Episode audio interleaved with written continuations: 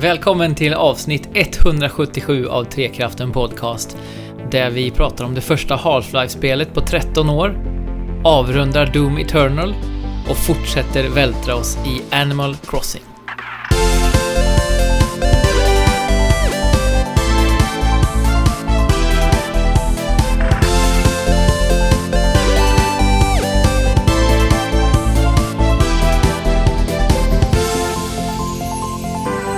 Hej på er! Det är Jesper Englin här. Jag har goda nyheter. Det är dags för ett nytt avsnitt av Trekraften Podcast. Ni har förmodligen misstänkt det redan eftersom ni har startat ljudfilen, men jag kan bekräfta att så är fallet.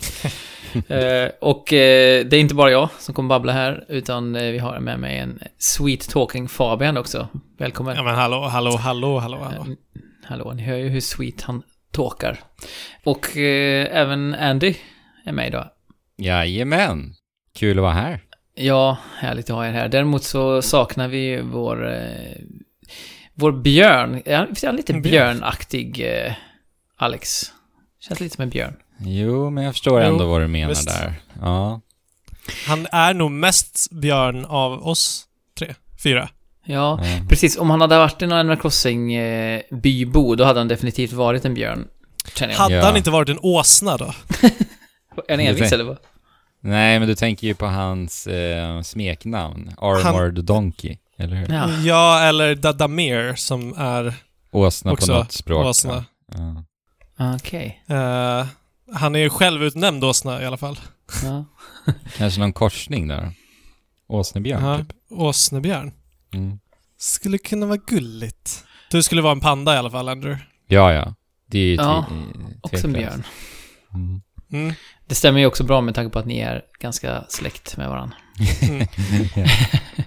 Och Fabian då, du kanske skulle vara en... Eh, Kameleont. Kameleont. Du älskar ju insekter. Ja, men tycker du om... Eh, du tycker att jag har så äckliga ögon? Och lång tunga? och långsamt gående, eh, långsamt rörande kroppsdelar? Nej, jag tänkte mest på din kärlek till insekter, Fabian. Nej, alltså... eh, jag, eh, jag är ju precis som, som Blathers där. ja. Mm. Eh, men, jag skulle ju aldrig, aldrig öppna ett insektsmuseum Nej. däremot. Nej, det är jävligt modigt av honom alltså. Det, det är modigt i, i ordets fulla bemärkelse. Mm. Mm. Nej men jag, jag tänker mig liksom någonting ganska pikt och liksom eh, intelligent djur, alltså kanske typ en surikat eller någonting mer. En surikat. Ja. Det kan jag köpa. Håller alltid koll. Ja, precis. Visst. Vad skulle jag vara då? Vad skulle Jesper vara? Mm. Dyngbagge? I, i Rulla skit dagen i ända. Jag jobbar ju ändå med eh, mångfald och jämställdhet i spelhobbyn då... Eh, det, är väl, det är väl lite så ibland. Nej. Golden retriever. Du skulle vara en golden retriever tror jag. Ja. För, eh, för eller en, en rödhårig retriever. Ja. Eh, Orange för, för, fever. för det är det snällaste djuret jag har träffat på tror jag. Fint. Okej, vi har börjat prata Animal Crossing redan alltså. Ja, Vi ska spara det till senare faktiskt. Eh, ja. Eh, Så vi ska faktiskt inleda dagens podd med något som vi har eh, försummat, eller ja, det kanske man inte ska väl säga, men vi har i alla fall, ja, faktiskt vi har struntat i det, det senaste, för vi har känt att vi har haft så mycket annat att prata om. Men den här gången ska vi fokusera lite på vad som har hänt det senaste, och då har vi ju förstås Andrews awesome eh, nyhetssvep. Jajamän! News swipe. Newswipe. När du sa awesome nyhetssvep, Anders awesome nyhetssvep, då kommer jag att tänka på en villager som kom till mig i Animal Crossing här i veckan och sa till mig "Ja, well, Hejsan Andrew, jag sitter bara här och tar en liten fab. Jag bara okej, En vad är liten fab? vad? Och sen så är det en förkortning då till Fabulous Awesome Break. Och då- jag trodde du sa... och då satt hon bara och vilade under ett träd. Fabulous awesome break. Det, är- det är så gött det bara kan bli. Ja. Ja. Jag trodde du sa fag först, att hon satt och rökte liksom. Nej, fab. Ja. D- n- nej, alltså det, det är ju någonting som jag hoppas kommer fastna hos oss här i sommar. Att vi fabbar Ja, en ta hel lite del. fabs. Ja, precis. Ja, ja, ja, jag vill också ångra mig lite. Jag vill inte döpa det här till Andrews Awesome nyhetssvep, utan Andrews Awesome Aktuellt tycker jag känns bättre. Just det. Ja, som aktuellt. Trippel A liksom. Ja, ja, Mm. Och alltså i dubbel bemärkelse så är det awesome och förmodligen trippel A, det första nyheten som du kommer berätta om. I alla fall känner jag så. Jag är Ja, väldigt peppad. den här veckan som har varit så har det ju ryktats en jäkla massa om att eh, Nintendo alltså ska återlansera eh, många utav deras 3D Mario-klassiker. Mm. Eh, och då handlar det alltså om Super Mario 64, Super Mm. Mario Sunshine och Super Mario Galaxy. Och Yes. eh, de här ryktena började på hemsidan som heter Video Games Chronicle. Som är någon slags systersida till en större sida, så det är inte bara så här någon random liten Nej flärp, utan det är typ, är det Gamespot? Nej, inte Gamespot. Eh, ja, det är någon av de större i alla fall, jag kommer inte ihåg vilken det är. Men den är, anses vara ganska eh, tillförlitlig i alla fall. Och när de lanserade sin, sin eh, rapport om det här så var det som att så här, portarna bara öppnades. För att sen så bekräftade Eurogamer samma sak. Jesus Schreier på Kotaku har tweetat saker som tyder på att han också har hört de här grejerna. Mm. Och bara jätte, jättemånga eh, spelsidor bara bekräftar detta. Så att för mig känns det så här, ja, det här kommer hända. Alltså baserat på hur många som bekräftar att ryktena faktiskt är sanna. Men sen är det ju så här spekulationer i hur de kommer paketera det här.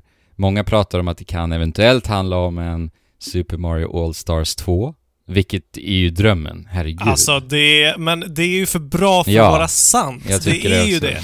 Ja. Och Nintendo skulle aldrig göra något sånt. För att de, de vill ju tjäna så mycket pengar som Ja. möjligt på, på alla varumärken. Alltså det är så de har gjort tidigare med alla spel. Alltså när de har återsläppt Zelda får vi väl titta på Exakt. som referens i det här fallet. Mm. Twilight Eh. Princess och Wind Waker till Wii U. Båda var ju... Twi- Twilight Princess var nog mindre än 60 dollar tror jag. Men Wind Waker vet jag var 60 dollars spel. Ja. Eller 600 kronor då, vi som bor här i Sverige. Det här skulle ju vara, eh, verkar det som deras stora E3-nyhet då. Eller en Ja. av dem i alla fall. Exakt. Eh, och då kan man ändå förvänta sig, ja, de kanske tycker i och för sig att bara det att de re, re, remakar 3D-spelen är liksom splash nog i sig. Eh, Mm. Men jag kanske är Ja. lite mer eh, optimistisk att det kanske ändå blir någon form av bundle, att det inte är så här, åtminstone inte att alla spelen kostar 600 kronor, utan att det är så här Nej. Reducerat. Jag vet inte, alltså det, 300 kronor styck. ja, det skulle ju vara helt fullständigt magiskt såklart om, Ja. sa- Mm. om de har Alltså, slängt... och just om de skulle döpa det till Super Mario All-Stars 2. Alltså det Ja, hade varit verkligen. så perfekt verkligen. Ja. Eller Super Mario 3D All-Stars eller någonting. Ja, jag satt och höll i ett All-Stars original till SNES i handen igår faktiskt. Jag grävde fram det ur, Ah. eh, ur min garderob och det är verkligen så här. Ja, det känns ju fortfarande lite så här lyxigt nästan att sitta och hålla i det. För att det var en sån fantastisk samlingsspel och det här skulle ju vara såklart ännu bättre eh, överträffa det med tanke på, i alla fall i Ja, mina alltså, ögon, eh, alltså Mario 64 och Galaxy är ju liksom... Mm. Och Sunshine. Alltså, Mm. Sunshine är jättemysigt. Det är ett av... eh, Okej, det är inte ett av mina favoritspel, men eh, det är ett jättemysigt spel. Men det är definitivt det spelet som är mest eh, delade åsikter kring. Ja, Så är det. jag, jag har inte spelat Sunshine. Och jag har ju försökt ju spela Nej, men då så. på, på Dolphin för några år sedan. Men, eh, vilket är en GameCube-emulator då för de som inte vet. Men eh, sen så fick jag ju bekanta mig med kameran i det där spelet. Ja, exakt. Och den är fullständigt horribel. Alltså, Men vet du vad du kan göra med Dolphin? ja, man kanske kan mappa Eh, som om jag testade att göra. Jag mappade om så att, så att eh, jag hade en Super Mario Sunshine eh, kontrollschema. Mm. Men jag minns ju att det, det var inte bara problem med så här den direkta kamerakontrollen. Det var ju också typ så här hur kameran kolliderade helt off med väggar och liknande. Alltså det Mm. var fullständigt kaos. Jag kunde, alltså det gick inte att spela spelet. Och det är så här, jag spelade det ju som sagt bara för några år sedan nu, så att den har ju verkligen åldrats väldigt dåligt. Jag kan tänka mig att har du spelat många moderna spel, går till Sunshine liksom, då får en jävla käftsmäll av en dålig kamera. alltså den är, var verkligen kass. Ja, jo. Så att där hoppas jag ju verkligen, eller det känns ju självklart att de måste ju fixa till den alltså. Ja, Eh. alltså om de gör en remake och det inte bara är en re-release liksom. Ja. Men det är det som är spännande så här. Jag tänker också på Super Mario 64. Alltså vad ska de göra med det? Ja, men det måste, de måste ju göra typ som de gjorde med uh, Ocarina of Time till 3DS eller något. Ja, att lite de bara upphotat. så här, Ja, för, för att alltså texturerna och så är ju så, så arkaiskt det bara kan vara i original Ja. 64. Mm. Det, det är ju så liksom platt. Verkligen. Jag såg också någon tweet där någon, någon hade så här poängterat att har ni tänkt på karaktärsmodellen på Bowser? Alltså det ser så dåligt ut. Ja, jo, jag, men, och jag, nej, jag, hade- jag hade inte tänkt på det, men så såg jag den där bilden Nej. på tweeten och ja, det stämmer. Titta Ja, på och- karaktärsmodellen alltså. Och Bowser är ju bara liksom en stel klump som, Ja. som rör på benen lite, typ. Men det ser ut som en liten babydocka också. Så polygon babydocka. Mm. Ja. Eh, men alltså, ett, ett upphottat Super Mario 64 skulle ju i sig spränga världen. Ja men tänk Lite. er det i Odyssey-motorn liksom. Ugh. Nej men, det kan de inte göra. Men fysiken Alltså också. om de gör det, Ja. Hade, alltså... Men det är ju sådana här drömtankar som man har som, som, som Nintendo, som... Ja, det De känns inte gör. Nintendo. Nej, precis. Nej. Det är sant. Men eh, hur var eh, DS-versionen av, av eh, Mario 64? Var det Jo, det var uppstädat? lite upphottat. På något vis, ja. Det var lite upphottat, men DSen var ju inte så stark i sig. Nej. Eh, Nej, och sen så var det ju också problemet med att kameran var jättejobbig på, i den versionen. Um, Hur, hur hanterar man den ens? På en DS? men jag tror att man flyttade, man kunde dra stylusen för att dra runt Ah. Ah, just det, som i Metro Prime Hunters ju. Mm. Men jag tror att Hunters där- funkade, nästan, ja. funkade bättre än vad gjorde i, i Jo. Mario 64. För det kändes som att de hade bara... Uh, att den portningen var så här, de... Det gjorde de såklart inte, men det kändes som att de slängde ihop den lite för att jag menar kontrollschemat, Ja. det var ju abs- absolut inte optimerat för den konsolen, så det, det drabbade Nej. ju hela upplevelsen verkligen. Mm. Spelade du det alltså? Ja, spelade en del, Men det inte var väl något mycket. så men... här multiplayer-läge typ också? Eller? Ja, precis. Men man byter ju mellan Yoshi och Luigi och... Var ju. Var det ja. Men sen så här Super Mario Galaxy tänker jag på. Eh, det, det är ju vissa som hävdar att Super Mario Galaxy 2 kommer också inkluderas och vissa hävdar motsatsen att det inte kommer göra det. Jag ser ju de två spelen som en, ett paket lite. Jag, jag tycker det skulle kännas som att man skulle sakna tvåan ändå. Ja. Om den inte skulle finnas med. Och jag tänker så här, varför skulle de inte inkludera den? Kanske ha med eh, kostnader jag, jag vet inte. Men- alltså, Men alltså hur mycket av det här är spekulationer och hur mycket är liksom eh, så gott som bekräftat? För jag menar, om, om det är någonting de ska släppa och något upphottat spel, det, det är ju liksom väldigt trovärdigt mm. att de skulle göra. Mm. Ja men det känns så gott som bekräftat att Sunshine 64 och Galaxy 1 i alla fall kommer att komma. Mm. Vilka, vilket eh, spel är ni mest eh, pepp på, på en remake på? Jag måste säga Sunshine för att jag inte har spelat det ändå. Mm. Mm. Jag har spelat stora delar av det. Det är lite kul eh, i Sunshine att det är så mycket eh, världspussel också. Mhm. Eh, som jag inte... Ja, det finns ju i och för sig i Mario 64 också. Eh, men det finns en hel del så här hemligheter i Sunshine som är lite kul i världen. Mm. I liksom hubben. Mm. I hubben. Ehm, Du då men, Fabian? eh, Ja, spontant så, så känner jag att jag längtar mest tillbaka till Super Mario Sunshine för att det, det har en så härlig känsla och som, som Jesper är inne på också att det, det känns liksom fritt på ett sätt som Mario inte hade gjort mm. tidigare eh, i den här hubbvärlden och allting känns lite mer ihopkopplat medan Super Mario 64 är lite mer all over the place. Mm. Eh, Mario, Mario Galaxy, självklart. Men det känns ändå som att det var inte jättelänge sedan. Nu var det ju säkert det. ja. Typ tio år sedan. ja. Men det känns ändå ganska, när, ganska när, nära i tiden. Om man jämför. De spelen känns ju också som de enklaste för dem att porta. Ja, det tror jag. det kräver ju bara 1080p HD-upplösning, sen är det klart. ja, Sen är det klart lite kontrollscheman får de väl ändra lite. Jag, jag, jag tänker på typ så här hur man tar starbits med Wiimoten. Men det, Mm. men det funkar ju med Joy-Con motion controllers, så jag vet inte. Det Ja, kanske... men man vill inte begränsa spelaren till att behöva göra det. Men man Nej. behöver ju inte använda starbits. För Galaxy 1 finns ju på Mm. Nvidia Shield i, i Kina ju. Så att de har Just ju det. redan Just det. en version. Eller på Q, vad heter det? IQ eller vad heter det? Eller är det Nvidia Shield? Ja, Nvidia Shield. Ja, okej. Ja. Men eh, jag berättade ju detta för Nils att det var ett eh, rykte, men att det var ett ganska troligt rykte att det skulle komma.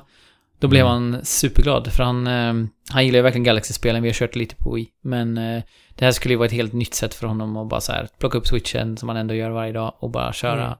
fantastiska spel, och få göra det tillsammans. Eh, för det är också någonting i Galaxy som är lite intressant att se hur de, hur de gör med, eh, men jag antar att de har portat andra spelen rakt av det här med att man kan fånga bits och uh, Mm. snurra på grejer och ha sig. Precis. Mm. Men eh, ja, det ska bli jättekul att få se hur han, liksom, genom hans ögon, hur han upplever de olika spelen och vilket Ja. han föredrar mest. Om han, ja, han, Mario 64 tycker han är väldigt spännande det här med att man hoppar in i tavlor och hela den grejen. Så den, det, Mm. lockar fortfarande liksom så här många år efteråt. Men hörni, i, i Sunshine, eh, för det var ju Shine Sprites man, man samlade på där. Mm. Var det på samma sätt som i, i 64, att du liksom väljer en Shine Sprite, hoppar in i banan, blir utslängd, väljer en annan, hoppar exakt. in i... För jag kan tänka mig, där kanske finns något sätt att modernisera det något. Att du inte behöver liksom bli utkastad efter varje stjärna. För att så här Odyssey-fiera det lite. För Odyssey vet vi, de stannar man ju kvar. Men det händer väl å andra sidan ganska mycket. Eh, Ja, alltså grejen är, varje Shine Sprite och varje stjärna i Super Mario 64 ändrar ju banan något. Ja, just det.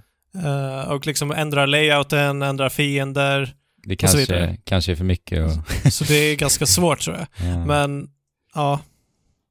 Mm. Men eh, det, de här eh, specialpusselbanorna i Sunshine upplevde jag som väldigt roliga, men i efterhand så har ju de åldrats ganska dåligt kontrollmässigt i alla fall. Eh, men vi får se om de lyckas göra någonting åt det, för det är, ja, det är, det är väl det spelet som kanske är mest intressant ur, en, ja, ur den aspekten, att man ser Mm. Mm. hur mycket de ja, jobbar med Hur att mycket de kan rätta till. Mm, precis. Så som Eh, många tycker ändå att det behövs.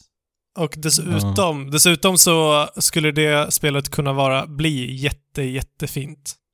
Ja, verkligen. Eh, och alltså få den bästa upphottningen också. Mm. Mm. Eftersom att, mm, alltså, hela, he, hela eh, omgivningen i Super Mario Sunshine är jättefint och det är färger och det är eh, soligt och roligt. Underbar musik på Delfino Plaza också. Mm. Ja. Fantastiskt. Ja, vi får väl se helt enkelt. ja. Eh, som sagt, E3 var det ju där de hade tänkt utannonsera detta. Men nu vet vi att E3 inte kommer bli av. Men jag tänker hur mycket liksom, första april har ju kommit och gått. Ja. Det finns ingen som helst koppling mellan första april och det här. Det skulle jag inte tro?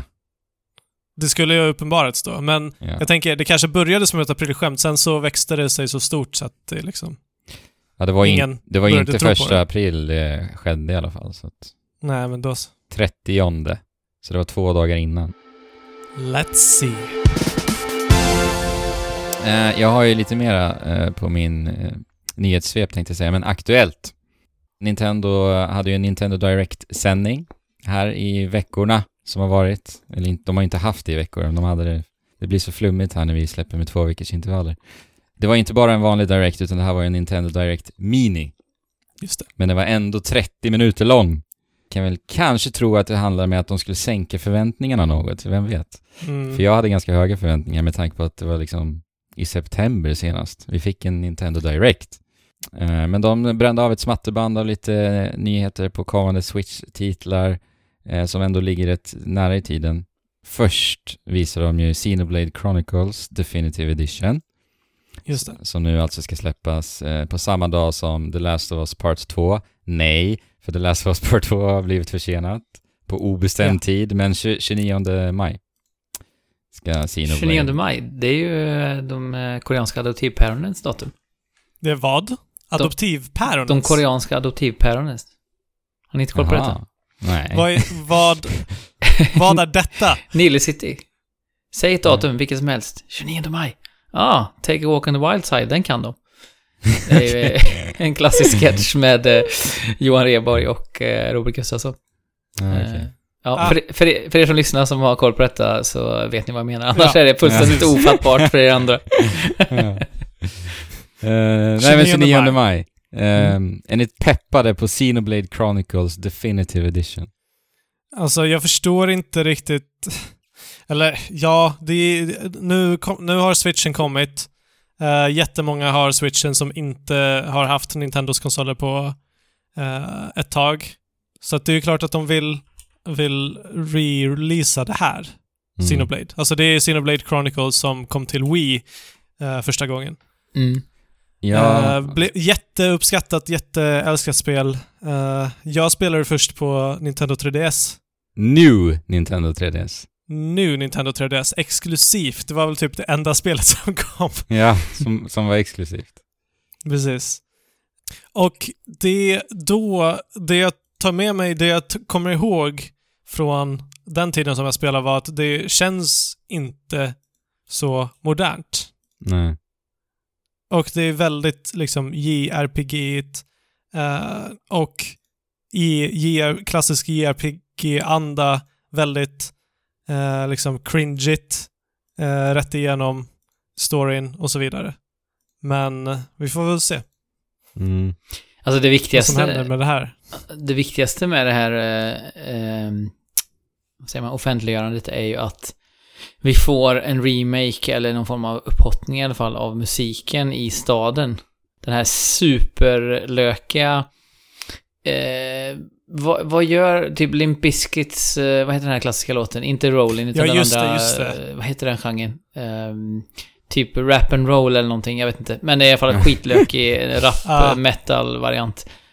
En av de bästa, bäst sämsta låtarna någonsin i ett soundtrack.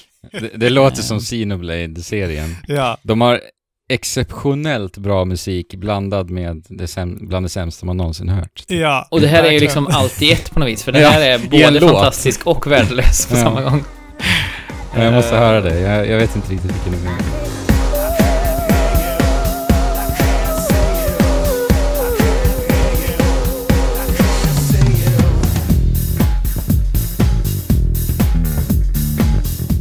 Den heter eh, eh, NLA colon Day, heter låten. Okej, en eller jag Eh, måste lyssna. New Los Angeles heter ju staden och det är det det står för. Så da- dagen då, på, på Ah, kvällen byts musiken till lite mer chill. Och det, det är ju... Det, lyricsen i den är ju I can't hear you, I can't see you. Eh, som de vrålar hela tiden. Så att, ja, det är Okej. fantastisk låt.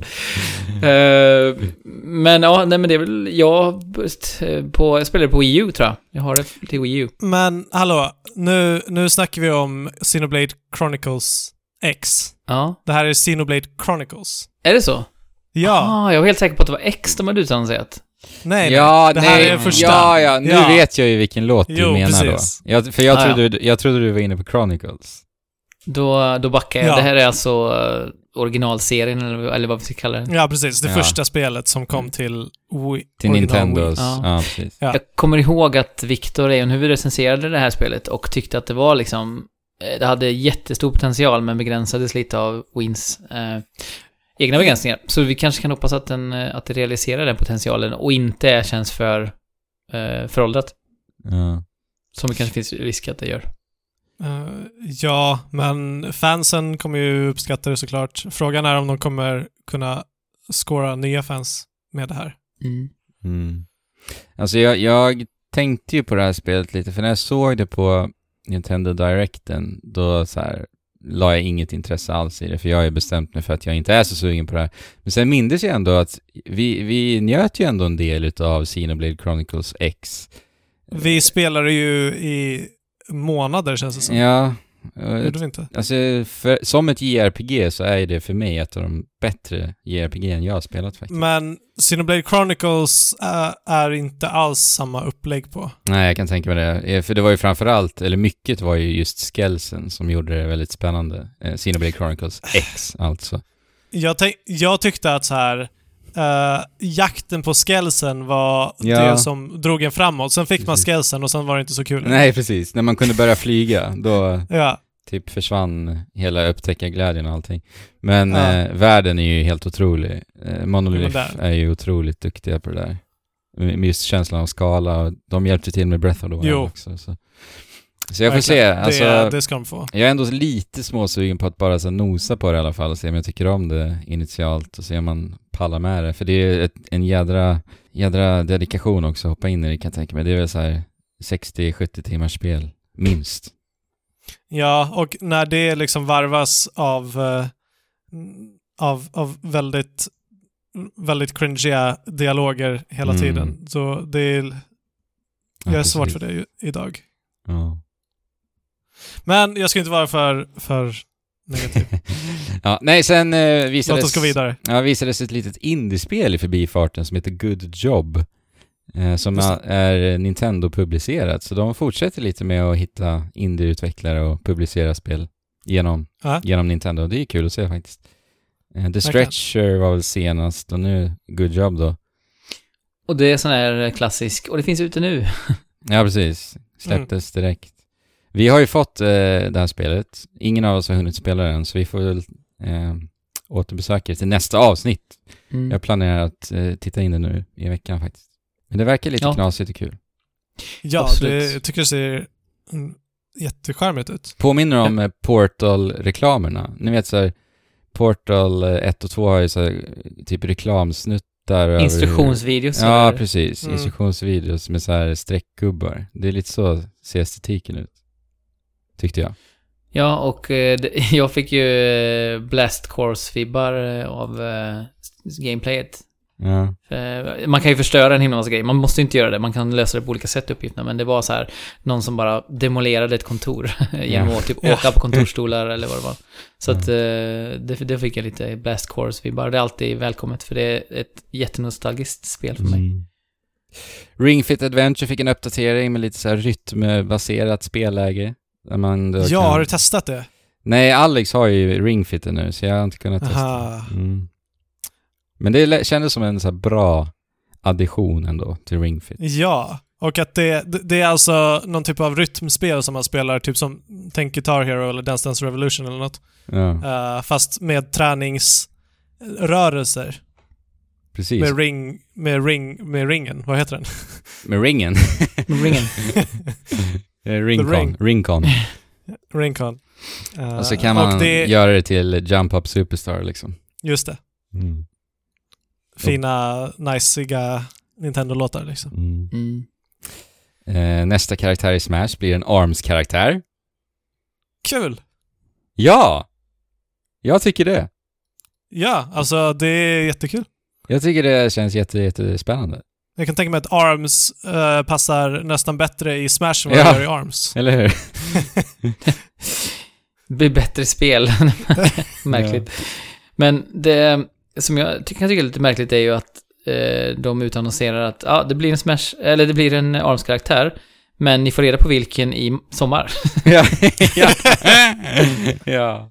Ja. Det är liksom inte så här nästa månad, utan det är liksom i sommar. I, var det juni eller juli de skulle Ja, ha det? juni sa de, så att Ja. man får väl hoppas att de hintade på att det kommer att vara en Nintendo Direct då då, Ja. i alla fall. Men eh, alltså vadå, tror ni inte att det är eh, de här standard eh, killen och tjejen? Alltså jag är, jag är inte jag vet säker inte på vad det det. Jag hoppas ju på Min Min, eh, en karaktär i ARMS. Men visst, det är väl kanske störst chans att det blir typ Ribbon Girl. Alltså, för grejen är ju att eh, Springman finns ju som en assist trophy i spelet Mm. redan. Ja, just det. Det är sant. Så att det kanske inte kommer bli honom. Men jag tänker också att det kanske skulle kunna bli som med Koopalings, det vill säga att alla karaktärer kan du spela som. Alla. Spelas inte de väldigt olika? Typ de här, den här tjockisen och... Jo, jo, men det behöver de ju nöd- nödvändigtvis inte göra i, spel, i Smash liksom. Men de skulle kunna göra något sånt också, att du kan välja alla karaktärer, men under samma karaktär. Mm, Vi får se. I juni. visst. Vi får se. Men kul. Jag tror att det kan göra sig Kul. jävligt bra i Smash faktiskt. Det tror jag Det också. ska bli kul att se vad de kommer med för unika mekaniker som de alltid verkar göra nu med de nya karaktärerna. Eh, och sen så var det ett spel som bara gick en förbi som heter Ninjala. Mm. Tittar ni in där? Jag är peppad.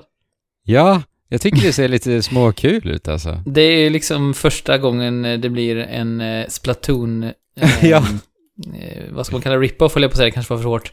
Eh, Splatoon-inspirerat spel som faktiskt eh, ser ut att ha liksom hög budget. För jag har sett lite på typ så här iOS och sånt, alltså på så här App Store så finns det en del så här rip-offs på Ja. Splatoon. Men det här verkar ju vara första gången det liksom eh, får, får den här typen av budget bakom sig. Och det är ju mer ett melee-spel då, verkar det som. Att man ska Ja, precis. kötta varandra på nära håll. Och så verkar kärnmekaniken handla om typ tuggummi. Mm. Så man typ tuggar tuggummi så kan du så dasha och typ flyga i luften som en ninja och klättra på vägg, springa Ja. på väggar och saker och ting. Och det är också Och ett det här- free-to- free-to-play-spel. Exakt. Ja, det är free to play, ja precis. Nintendos svar på Fortnite Ja. Battle Royale. Ja, för att eh, på många sätt så är ju Splatoon superoptimerat för att vara free-to-play. Ja. Ja. Eh, med all, alla liksom kläder och alla, eh, alla uttryck man kan ha kring sin karaktär liksom överlag. Mm. Så det här kanske blir det. Eh, ja, det här måste Nästa. vi ju testa alltså. Det kommer Ja. 20, 27 maj. Jag blev besviken för jag trodde att det skulle vara ute nu. Jag laddade hem Good Job på vårt eh, konto som vi delar. Mm. Och så laddade jag hem eh, When Ski Lifts Go Wrong som inte har någonting med Direct att göra men som är ett, ett, eh, ett indiespel på, på Twitchen. Och så tänkte jag så här, ja men då ska jag ladda hem Ninjala också. Men så insåg jag att nej just det, det var ingen sån där out now-grej utan det är ju eh, om en en och en halv månad då, eller nästan två månader. Mm. Så det var lite synd, för jag blev peppad faktiskt eh, Ja. på att se det. Eh, sen har vi då spelet som går in i Fabians hjärta. Bravely Default 2. Varför Mm. går det in i mitt hjärta? För att det är ett JRPG. Nej, men... Vi håller fortfarande kvar vid den, eh, krampaktigt vid den eh, föreställningen att Fabian älskar JRPG fortfarande. Ja. Alltså... Ja, det har ju... Det, om inte det är tydligt så har det blivit en av mina minst, minst favoriserade genrer. Fast det är alltid, that is about to change med eh, releasen av... Eh, Braille Default 2. Nej, nej, jag menade, Nej. jag menade remaken på Final Fantasy 7. Ja, ja. Du kommer att hitta kärleken igen. Men, men det är ju, vi kan ju inte säga att det är ett traditionellt JRPG. Alltså, det Bravely Default kan, kan få är att de eh, har, har ström, strömlinjeformat he, hela JRPG battle-mekaniken. Mm. Genom att typ spola, spola bara tiden. spola fram liksom. Ja. Eh, och det är väldigt tacksamt. ja. Liksom skippa allt. skippa så mycket som möjligt. Det är så himla konstig design liksom. Istället för att designa om stridernas liksom kärna så designar man så att man kan hoppa förbi innehållet i spelet. liksom. Ja, precis. Eh, det finns en demo ute nu i alla fall, Mm. Ja, på e-shoppen.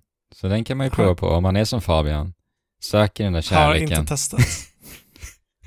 Jag läste att det ska vara väldigt svårt. Okej. däremot. Men jag vet inte. Ja. Ja men det, det var Nintendo Direct. Eh, och sen Final Fantasy 7 Remake, när vi är inne på det, eh, så har ju det alltså släppts i Europa och i Australien. Det går att köpa spelet nu. Det är en hel del på vår Discord som sitter och spelar spelet. Har, har Mm. spelat det under helgen som har varit nu. Mm. Eh, hur känner ni inför det här? För båda ni är väldigt eh, sugna på eh, Final Fantasy 7 Remake. Alltså jag kände väl mest att den här helgen, där jag liksom bara har lökat, skulle jättegärna vilja haft Final Fantasy 7. Tänkte Remake. du någon gång, ska jag dra och köpa det nu? Nej, Nej. nej, nej. Det gjorde jag faktiskt inte. Inte så desperat. Nej, men det är just för att jag just nu inte har några pengar och det hade liksom Ja, det var ganska enkelt möjligt. tror jag. Mm. Ja. Ja, jag har kollat priset i... Eh, eh, på de digitala plattformarna och så också. Där är det i och för sig ännu inte släppt. Eh, utan det är det fysiska utgåvan. Ja, det är bara fysiskt. Ja. Men, men jag kollade ändå, så jag var också så här, hmm, ja, jag kanske skulle... För jag har varit väldigt sugen också, tycker det känns jobbigt. För man, eh, vi sa ju det också, man är så himla bortskämd som eh, liksom speltyckare att få spelen tidigt. Och nu är det liksom så här, nu sitter man och kollar på folk som så här, skriver lite uppdateringar från spelet och så kan man inte spela själv. Och det är faktiskt, det är lite plågsamt ändå. Men det är också skönt att man får så här, ja, nu får du känna på hur alla andra brukar ha det. Ja, precis. Ja, exakt. Lite är en liten... Exakt. Humbling, wake-up call. Så det blir bra. Men jag är extremt sugen. Eh, Jag känner också att jag ska, jag ska wrappa upp eh, Will of the Wisps. Jag har ju, jag har ju sista, liksom fortfarande sista tredjedelen kvar av det. Men i Mm. övrigt har jag inget jättemycket. Alltså Animal Crossing rullar ju på. Och kommer göra det liksom, Ja. ja, för evigt känns det som. Men, Ja. men eh, det behöver man inte spela så aktivt, utan det kan man ta Nej. liksom lite titt som tätt. Så att Ja, eh, visst. FF7 blir ju nästa stora grej och då, eh, ja. Men Mm. vi, får hålla, vi får hålla oss eh, på mattan tills vi får en, eh, en skiva helt enkelt. Eller av våra goda vänner på Square Enix. Jobbigt att vi får Ja. skiva. Då måste vi mötas för att lämna över det till varandra. Och det kan vi inte göra. Nej. Jag är ju sugen på att spela det här också när ni är klara. Baserat, eller beroende på vad ni tycker förstås. För jag lyssnar Ja. ju på er mest. Ja, men det, ska, det ser fram emot jättemycket i alla fall att få, ta, få lägga vantarna på, på detta. Det var det! Mitt eh, awesome Mm. eh, aktuellt. Trevligt in initiativ. Trevligt att ni hängde med. Då går vi från ett eh, trevligt initiativ till ett otrevligt initiativ istället. Eh, för att eh, min chef på Aftonbladet Spela, eh, briljanta F.I. Karabuda, eh, sa till mig så här, kan inte du, för typ, kan det vara nu, fem, sex veckor sedan kanske, kan inte du spela Half-Life Alyx eh, för, räkning, för eh, Aftonbladets räkning? Ja, kul, absolut. För Aftonbladet, dels eh, är det ju mindre jobb nu för Aftonbladet än vad det har varit för att eh, de har ändrat sin struktur på, på Nöjesbladet där. Och dels såklart att spela det första nya Half-Life-spelet på 13 år, är det så? Ja. Såklart. Jag har ingen supertajt relation till serien. Jag spelar både Half-Life 1 och 2, eh, CS och sådär. Men Mm. eh, jag har ingen... Jag har aldrig varit något stort fan direkt av serien. Jag har förstått liksom storheten i, eh, i det för, eh, för spelbranschen och för spelcommunityn. Jo. men, in, men inte så mycket själv att jag känt så här. Det är inte som Zelda eller liksom som Katamari eller någon annan serie som jag känner en väldigt stark personlig koppling till. Ehm, men som sagt. Nej, men det är verkligen, eh, verkligen en lyx. Och på tal om det där att få spela spel eh, som speltyckare. Så Mm. det här är ju verkligen en, kanske ett av det här decenniets största, största utannonseringar.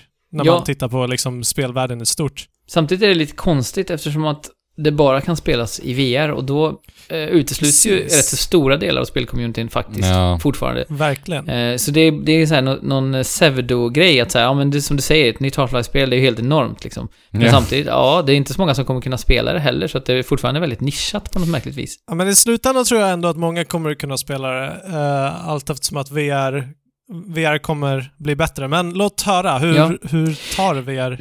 Nej men anledningen till att jag, nej, men anledningen till att jag sa att det var o, ett otrevligt initiativ Ja. av, av Effie var ju inte för att eh, jag fick möjligheten att spela tidigt, utan tvärtom. Men däremot så, man visste ju inte så mycket om spelet innan det släpptes. Utan det har ju varit ganska så här, visst man har sett en del hur det ska se ut och så, men man visste inte riktigt vilken, vilken ton och inriktning det skulle ha. Mm, det har gått det så fort Nej. också. Från Ja. utannonseringen till släppet liksom. Precis. Och det visar sig ganska snabbt när man lyssnar på liksom så här, de större outletsen som har fått det ännu tidigare än oss. Jag fick ju läsa om de här grejerna eh, någon dag innan jag fick börja. Mm. Så skriver folk att så här, ja, det är mycket läskigare än vad man kunde ha förväntat sig. Det är i princip ett eh, survival horror-spel. Oh shit. Eh, och redan, redan där så har vi ett problem liksom. Ja. Eh, och, så, och så lägger man till aspekten av att, ja, du kommer också ha ett, du kommer sitta inlåst i ett headset och du kommer ha hörlurar på dig. Eh, Mm. Så du kommer inte se eller höra någonting runt omkring dig. Utan du kommer vara helt immerserad i den här survival horror-miljön. Mm. Eh, och då är det ett recept som gör att jag Nej men vänta På Jesper. riktigt. Jesper, vad säger man? Inte immerserad, vad säger man? eh, insupen menar jag. Jajamän. TM. Eh, ja, nej men uh, att vara helt insupen i det här, det är ju ett recept som då gör att jag inte riktigt vet hur jag ska ta mig an det här på riktigt. Alltså det är ju liksom så här snudd på fobirädsla för att göra det här. Ah. Eh, så det var skitjobbigt liksom. Men samtidigt så, ja, jag har tagit mig an uppdraget och som sagt glädjen i att få spela ett nytt Half-Life-spel och kunna berätta om det är ju stor. Eh, men det var också så här en ytterligare logistisk utmaning i att jag trodde ju att man skulle kunna köra med sin eh, Oculus Rift som jag har, vilket man kan. Jag har ju första liksom retail-versionen av det. Men då behöver man ha två stycken eh, sensorer, jag har bara en. Eh, Ah, okej. Och de kostar liksom tusentals kronor liksom att köpa en sån här. eh, och, jag kollade runt massor här hemma om det fanns någon som hade det. Och det fanns ingen, det gick, det gick liksom inte att loss. Så till slut så lånade jag då en Oculus Quest av min kompis eh, Olle som har en sån. Och sen visade det sig att ah, okej, det går inte att spela på Quest för det går inte att komma åt Steam. Ehm, Så då stod jag fortfarande så här handfallen, vad ska jag göra nu då? Ehm, men så visade det sig att det hade släppts en uppdatering alldeles nyss, bara för någon månad sedan eller så. Där man faktiskt kunde köpa, eh, eller man kan koppla questen till datorn med en sladd och då kan man eh, Just det, eh, komma åt Steam Link eller någonting sånt heter det. Mm. Eh, och det, så det kunde jag då, så till slut så lyckades jag faktiskt starta själva spelet, vilket var en, eh, som sagt, en stor utmaning i sig. Och då blev ju eh, problematiken att jag hade en sladd, så jag var inte helt fri, eh, fast att jag hade en quest Mm. då. För den funkar ju väldigt bra i room scale eftersom att den har sensorerna i själva headsetet. Just det. Just Eh, så jag var lite begränsad, men det är fortfarande så att den, sladden var ju några meter lång, så jag kunde ju ändå stå upp och röra mig hyggligt liksom. Så det, det inverkade inte märkbart, skulle jag säga, på min upplevelse egentligen. Men, men eh, det första som händer när man startar Half-Life Alyx är att eh, eh, En man... headcrab hoppar framför. Ja, nej, det, det börjar ganska lugnt på ett sätt. Man, man tittar ut över City 17, men det är ju verkligen så här, jag skrev recensionen också, som man gärna får gå in och läsa på Aftonbladet. ehm, att man blir lite så här, tappar andan nästan. För att Ja. man ser ut över hela staden och det här eh, citadellet, eh, den här stora monolitiska byggnaden, är ju liksom någon kilometer bort, men det känns ju väldigt påträngande där man står. Och man får ju den här känslan som det är i typ Blade Runner och sådär, eh, att Mm. det är verkligen en levande, riktig dystopisk eh, stad liksom. Och sen rätt som det är så bara dundrar en sån här stor, eh, vad heter de nu då? Ja, jag vet vilka du menar. Tripods. Ja, precis. Den dundrar liksom förbi eh, rakt framför en och det är ju verkligen så här, man ryggar verkligen tillbaka av den Ja. upplevelsen. Alltså den där, den där känslan av att vara i VR, den där storslagna, liksom, haktappande känslan, den, den är så färsk på något sätt tycker jag. Alltså Ja. för, för att när jag Mm. tänker på den, så kan jag inte riktigt minnas den. För jag minns här typ när jag spelade Astrobot, varje dag jag satte på mig headsetet, så fick jag samma känslor var, varenda gång, varje spelsession. Just den här, wow vad häftigt det här är verkligen. Mm. Det är så Mm. svårt att tänka sig den, när man inte spelar det. Liksom. Ja, och den här, Mm. det här spelet är ju första gången som jag upplever det i sån här stor skala och jag tror att Ja. Visst, det finns en del VR-spel som inte jag har spelat som har liknande liksom, miljöer, avancerade 3D-miljöer, men jag har aldrig upplevt det och det är ju definitivt det eh, mest eh, påkostade av den typen av spel. Ja, med shit, mest jag kan tänka mig det. Alltså. Så att vara i den miljön är ju definitivt det som är nummer ett på, Mm. eh, när det gäller att uppleva Alex. För sen, eh, mm, kontrollschemat är, man kan ställa in en hel massa olika typer av kontrollscheman, men jag valde då default som är det här med eh, att man teleporterar och tänkte så ah, det, låter, det det. känns ju rätt trist liksom att teleportera runt. Det känns inte alls eh, som att man blir insupen, så att säga, i upplevelsen. Ehm, och så sköter man kameran då med högerspaken, samtidigt så kameran är i ditt huvud, så det går ju att göra både och förstås. Men, men eh, för att liksom finjustera hur karaktären är vriden, så att säga, så kan man styra höger med högerspaken Mm. på sin högra eh, touchkontroll. Och, men, och jag, jag var väldigt så här, först man fipplar runt där på, i sin lägenhet på någon radio och man ska ta någon ritning och så här. Och det, kände verkligen, oh, det känns verkligen otympligt, ointuitivt, inte alls positivt de första Mm. men ganska snabbt, just det här framförallt med teleporterandet, eh, för du siktar ju då med vänsterspaken och liksom rör dit du vill teleportera och nu släpper, du flickar den liksom. Så när du släpper den till, till ehm, eh, vad som är, normalläge, neutralläge, då hoppar man dit du har siktat liksom. Mm. Eh, så det går ganska snabbt ändå att bara flicka runt och du får en, känsla ganska snabbt för var, hur långt du förflyttar dig med hur långt du tippar spaken. Eh, Så det gick väldigt snabbt tyckte jag. Det kanske tog en halvtimme eller någonting. Sen kände jag helt och hållet att nej men nu, nu känns det tvärtom. Nu känns det verkligen som de har designat ett, ett kontrollschema som känns skönt. Och nu är jag bara igång. Jag behöver inte ens tänka på det så ofta. Ibland blir det ändå så här, oj nu hamnar jag precis med...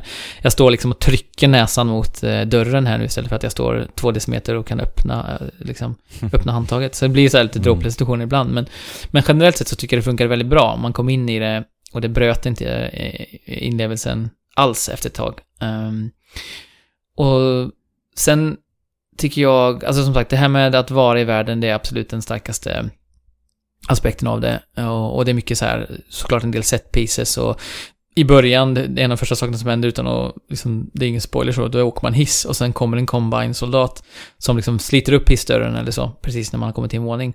Och tornar upp sig över en eh, med en sån här elbatong som de har. Och det var verkligen så här verkligen så här Mm. riktigt eh, läskigt slash mäktigt ögonblick. Eh, och många sådana ögonblick får man.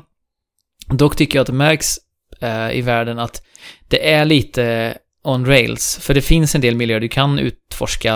Eh, det är inte bara såklart att man rör sig i en korridor, men, men många av de här eh, ställena utforska leder bara till någon slags återvändsgränd med någon liten ammo-plupp eller så. Det känns lite som ni Mm. vet design som det var förut i spel, eller som kan vara fortfarande i JRPG, så att det, så att det är en liten stig här, men det enda du Ja. hittar här är egentligen lite pengar eller någonting. Och sen är det Mm. lite miljö, Mm. det känns som en kuliss. Så kände jag faktiskt ganska ofta i spelet eh, ändå. Ja, okej. Ehm, och det förtar lite av liksom känslan av att det är en riktig värld. Så de har inte riktigt lyckats måla över de eh, eh, liksom sprickorna som kan uppstå i ett VR-spel där man liksom rör sig på det här sättet eh, ändå i någon slags liksom locomotion-stil snarare än, eller inte locomotion utan snarare en teleporteringsstil. Men eh, sen har vi strider förstås eh, mot, eh, till att börja med är det väldigt mycket zombies, vilket är extremt jobbigt. Mm. Eh, det är ju då sådana här personer som har blivit, eh, eh, vad ska man kalla? Ja, men par, ja, precis. Parasiterad av en headcrab som har hoppat på. Och går runt. Jag, jag, jag tog ner svårighetsgraden faktiskt eh, till lättaste, för jag kände bara att jag orkar inte rent eh, känslomässigt eh, sitta och liksom vara rädd för striderna, utan då det räcker med två skott så dör de liksom. Och man har väldigt mycket ammo hela tiden, så det är inga problem. Eh, av sina, sin pistolammo, sen om man tänker på shotgunnen som man plockar upp efter en stund, den är ju tvärtom, den är väldigt eh, ovanlig att man hittar ammo till den då. Men, men eh, ja, dels är det då headcrabs som är rätt så eh, svåra att träffa och dels är det lite större fiender som Combine och, och Zombies som är lite enklare att träffa. Och det som är lite coolt är ju förstås att du kan stötta din pistol med din andra hand. Om jag har högerhänt till exempel stöttar jag med vänsterhanden och tittar i, det är ju inget hårkors utan du tittar ju i, eh, ni vet Ah, så här, Ja, man kan ju liksom linea upp de här två, jag vet inte vad det heter på en pistol, jag är så dålig på det, men... eh, men den här skåran och den här lilla tippen Ja. i fram liksom. Ja. Eh, så att man ser att man träffar rätt. Siktet. Siktet, ja. och senare får du också upp en ficklampa med vänsterhanden som du lyser med, liksom beroende på hur du Ah, riktar din hand coolt. och så. Så att Ja, eh, alla interaktioner som finns i spelet tycker jag känns väldigt bra och det är så här, du lägger ammo eller andra saker i väskan genom att så här bara släppa det bakom din egna fysiska rygg liksom. Eller så. Okej. Ehm, och då liksom hör man ett litet ljud från väskan att ah, men nu, nu Mm, just lyckades jag placera den i väskan. Snyggt. Eh, och samma sak när man drar ut till exempel ammo så bara eh, drar man bakom ryggen, eh, kniper ihop handen på kontrollen och så får man upp en ammo. Mm. Ehm, och så då Och sen, sätt, du sätter in den liksom och drar, drar tillbaka magasinet och sådana saker. Och de här... det känns bra. Ja, det känns bra. Det, det är också intressant eh, när man då får slut på skott. Om man inte har koll på sitt magasin och får slut på skott mitt i en strid, då Ah. blir det ju panik. För dels måste man trycka ut magasinet som man har i på, på handkontrollen. Ja, just det. Och sen måste man då Ah. dra fram ett från, från ryggsäcken och trycka i det och trycka in på knappen så att man, så man låser det på plats. Och jag vet inte hur många gånger jag liksom så här tryckte på fel knapp eller började så här fippla med magasinet och så här. Det- Det är Ja. liksom verkligen känslan av att jag är där och då, jag måste få i det här magasinet in, annars dör jag för att den zombien kommer att äta upp mig. Precis. Det, det är de där tillfällena som, som gör mig mest intresserad av det här spelet. Mm. Eh, när man så här verkligen... Då måste du ju ha... Då måste du vara så insupel som man bara kan bli i ett spel. Ja, exakt. För du, du har bara panik över att Ja. shit, jag måste sätta in i magasinet. Du tänker inte på att du spelar, utan du är liksom bara i den Nej. här verkligheten. Exakt. Ehm, och samma sak, det var en, ett annat tillfälle jag skulle stoppa ett fordon och då var jag tvungen att overrida det manuellt med en spak. Och då var det också så här, shit, jag måste hålla i den här spaken för glatta livet nu, för annars är det kört liksom. Ja.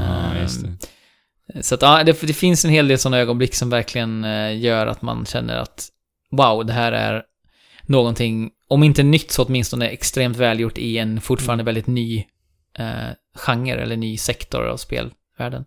Verkligen. Men Eh, har... Någonting, Mm. någonting det här spelet gör som, som, som verkar liksom lösa en del av VR-problemen är just att du har den här force, force pull... eh, Ja.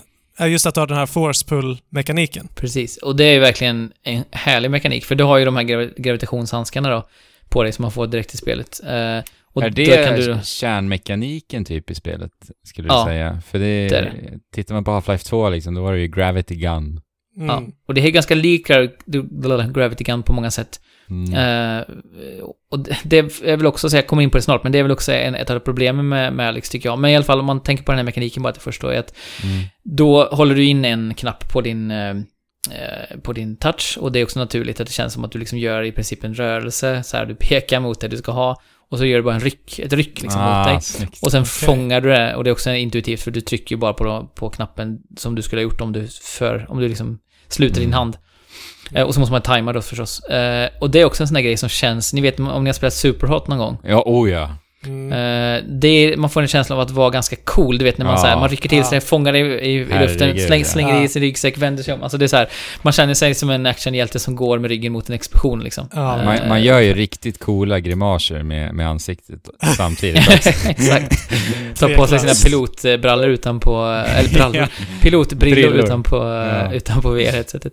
Ja. Eh, Ja, absolut. Det är en mekanik som funkar skitbra och det funkar tillsammans med det här med rörelseschemat så är det verkligen så här, ja, de, som du säger, de har verkligen hittat ett sätt så, um, som, det känns naturligt också. Det är ju, den där Gra- Gravity Glovesen har ju, känns ju som en, det passar ju väldigt väl in i universumet också. Så det känns ju Ja, inte som en precis. nödlösning Mm. utan mer som en så här, bara, ja, men naturlig förlängning av universumet. Så. Mm. Väldigt, väldigt bra mekanik. Eh, Och det funkar ju också när man ska kasta typ så här. eh, eh, Det finns ju väldigt mycket. Det, det är ju också lite så här tillbaka på det här med, med att de har designat, att de inte riktigt har eh, designat med modern design. Eller de har inte hittat hur de ska designa i VR för att det ska kännas 100% naturligt. För det står väldigt mycket såna här eh, bränslebehållare. Eh, så här mid, mid eh, tu- eh, 00-tal liksom ungefär. Mm. Bränslebehållare överallt. Som du kan typ så här Mm. skjuta eller du kan kasta på um, såna här eh, slemmiga, vad heter de här? Ja, tungorna som Barnacles. sticker Ja, ner. exakt. Ja. S- och de sprängs ju då om, du, om de åker upp eh, Ja, i just det. den. Och på vissa ställen kan det vara så här, de får inte sluka dem för då sprängs hela rummet och då dör du. Och det finns lite pusselmekanik med det där också. Mm. Så, som sagt, den här mekaniken, den används på ganska intressanta sätt eh, en del fall, men det känns också som att eh, de hade kunnat lägga mer fokus på att faktiskt designa mer intressanta eh, mekaniker kring det. Eh, Och det är Ja. väl det som är lite, eh, det är det som jag är lite kritisk mot överlag. Jag gav ju det 4 av 5 i Aftonbladet och inte 5 av 5 av just den anledningen, för att det känns som att de gör ett skitbra VR-spel. Eh, en upplevelse som verkligen är, ja, fantastisk på sina håll och, och den sätter sig i en känslomässigt, ni vet, sådär Mm. som spel kan göra. Men eh, det är ingenting egentligen nytt och man förväntar sig det av Half-Life och av, av Valve egentligen, att de ska eh, inte bara producera ett nytt bra Half-Life-spel i VR utan faktiskt tillföra något. Och Gravity Gloves är ju ganska likt som jag sa, eh, Gravity Gun. Men, Ja. ja. men det känns ju som att, det känns ju som att Gravity Gloves har potentialen att kunna vara en sån sak. Ja, exakt. Ja. Eh, och, ja, nej, jag, jag, jag är lite besviken på den aspekten av spelet, men alltså, det är ju Men- sam, det är samtidigt kan det upplevas som en, en orättvis kritik, för att eh, man har höga förväntningar på serien och på Valve själva, så jag vet inte riktigt om det är en... Fast det är rättvist alltså. Alltså, det, ska, ja, men- det ska vi ha. Men det du säger, det du säger är väl också det Valve säger själva. Och det är därför det här inte är ett Half-Life 3. Utan att det här är Half-Life Alex. Eh, för att de hittade, de har, de har i liksom åratal försökt hitta det här som ska bli nästa Gravity Gun i spelvärlden. Eh, och det, det här är det bästa de har kommit fram till än så länge och det, var in, det nådde inte riktigt ända fram. Men det var tillräckligt bra för att kunna liksom ta steg inom VR-världen. Ja, och för serien antar jag också då. Och för serien också.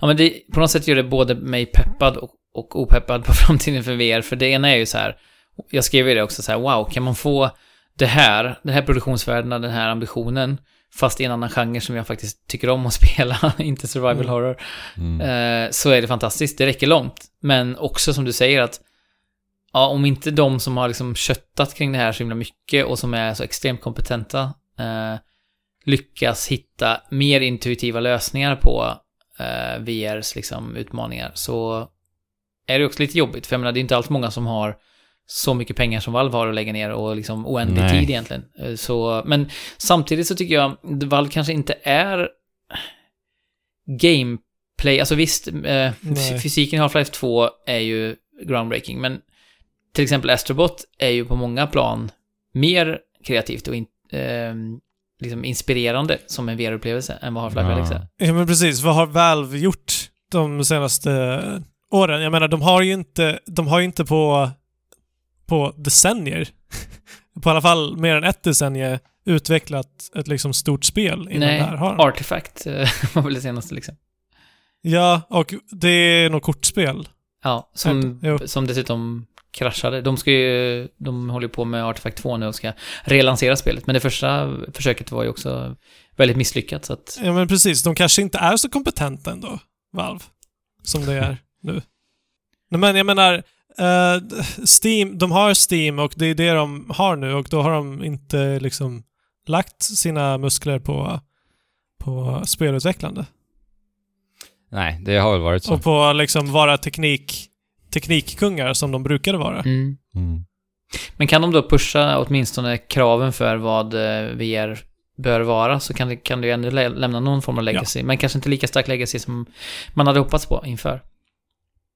Nej. Men som alltså, sagt, det, Alltså, har man ett VR-headset och är intresserad av spelet, då, då är man förmodligen, förmodligen redan rätt investerad i, i detta. Och då kommer man definitivt tycka att det är ett grymt spel. Eh, så det Mm. tror jag man kan säga rakt av. Men jag som sagt som inte har den här kärleken lika starkt till serien, ser de här andra problemen lite, lite starkare tror jag än, än vad andra kommer göra. Ja.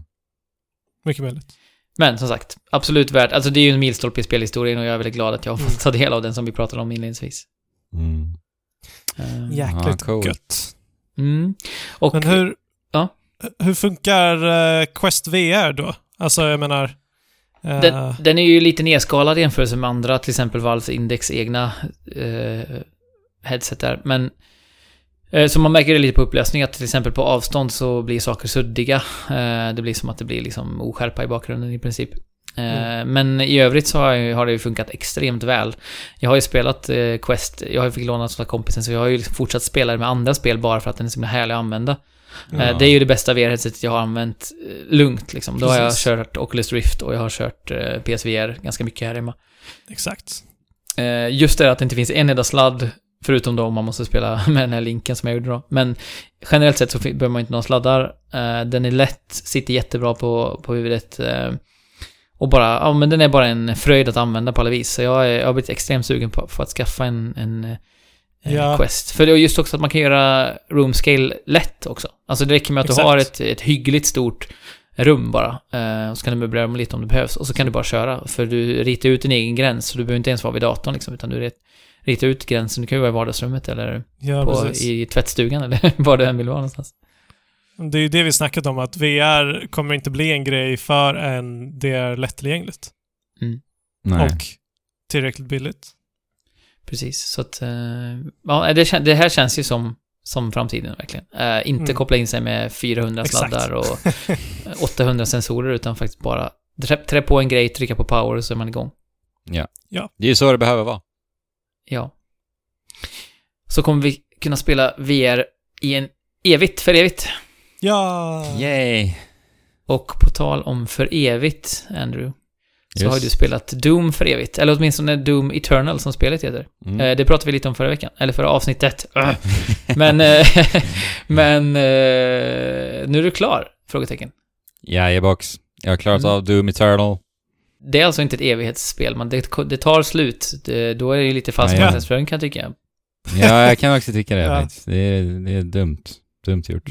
Undergången för evigt, som Dumt spelet gjort. heter på svenska förut. Dumt gjort, ja precis. Eh, ja men Fabian, du har också spelat. Vi pratade ju lite längre än vad vi hade tänkt oss i förra avsnittet. Vi hade mycket intryck Ja, precis. baserat på två uppdrag. Jag har klarat av det nu. Vart, vart, hur, stä- står det, hur står det till för dig? precis. Eh, jag har kört typ två eller tre eh, ytterligare uppdrag Okej. sedan dess. Så, att, så att det är inte så mycket. Nej. Så du, du, du har inte samlat på dig fler intryck kanske än sist eller? Alltså det mesta är väl eh, ett specifikt vapen. Som, Ja, jag tror jag, tror jag som, vet. som komplementerar, som komplementerar Ja. rätt bra. Jag tror jag vet vilket du pratar om. Ska vi Ja, säga det samtidigt? Ehm, jag vet inte vad det heter. Vad, Nej vad men det så här, heter. säg, vi kan, för att jag vet ju, jag, jag vet vilket vapen du pratar om, Ja, tror men jag. okej. Men vi, det är ju inte Okej. vapnet vi, vi, vi Nej, men gillar. precis. Nej, exakt. Precis. Ja, vi, att- vi säger det samtidigt. tre, ja. tre, två, ett. Meat hook. Ja. Just det, ja vi tog. Meat hook. Precis. Exakt. Ja, den här har jag också fått känt på och njutit så det står härliga till av alltså. Den är, Ja, verkligen. Den är helt otrolig. Det här är alltså en enterhake som är fäst vid en så här super shotgun som då är Ja. vapnet som den här är bunden till. Och den här meat hook då eh, fungerar så som namnet antyder att du, du kan helt enkelt hucka dig fast på kött, det vill säga på Ja. demoner. Eh, Just det. och sen så kan du liksom dras, du drar dig till änden där hooken är fäst. Och sen i, Ja, alltså- i eh, liksom momentumet du har så kan du också hoppa iväg. Så att du kan liksom få ett Ja. riktigt jädra skjuts i momentum över liksom från ena sidan av banan till den andra i luften. Ja.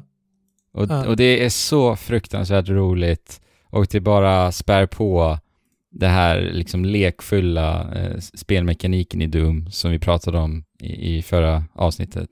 Och just mobiliteten och dashen som vi också inte nämnde då tror jag, men det är ju ett nytt tillskott. Eh, jo, vi snackade om det. ja, det kanske vi gjorde. Tracer sa vi. Just det. Men är just det, är det ett tillskott ni får sent i spelet? Alltså den här metoo? Nej, tidigt. Det är ganska tidigt. Det är typ tredje eller fjärde uppdraget kanske. Ja. Eh, och uppgraderar man den här eh, fullt så kommer kedjan, för det är en kedja som eh, entraken är fäst med, eh, så kommer den eh, tända eld på demoner också. Så att då kan du ju kombinera det, för att vi sa ju i förra av- avsnittet att fiender som eh, brinner ger, Mm. ger dig ammunition. Så att då, Nej. Så att då kan du... Nej, armor. armor, precis. Eh, armor. Så att då kan du liksom hucka dig fram till fiender och bara drämma till ett shotgun-skott rätt i nyllet på dem och få armor utav det också. Ja, nice. För det är Mm. ofta, ofta att man behöver just armor också. Ja, den är otrolig. Jag älskar meathooken. Jag använder den otroligt mycket ända sedan jag fick den ända fram till slutet. För att den är bara, den öppnar upp så himla mycket tycker jag. Ja, verkligen. Och som sagt komplementerar alla andra mekaniker. För att det det här spelet gör att det liksom är så fokuserat, men så har den massa mekaniker som, den bara som alla kompletterar varandra. Ja, verkligen. Eh, och sen har vi också runor. Jag vet inte om vi snackade så mycket om det. Jo, lite grann. Eh, ja, att man får, man får en speed boost efter en avrättning och så vidare.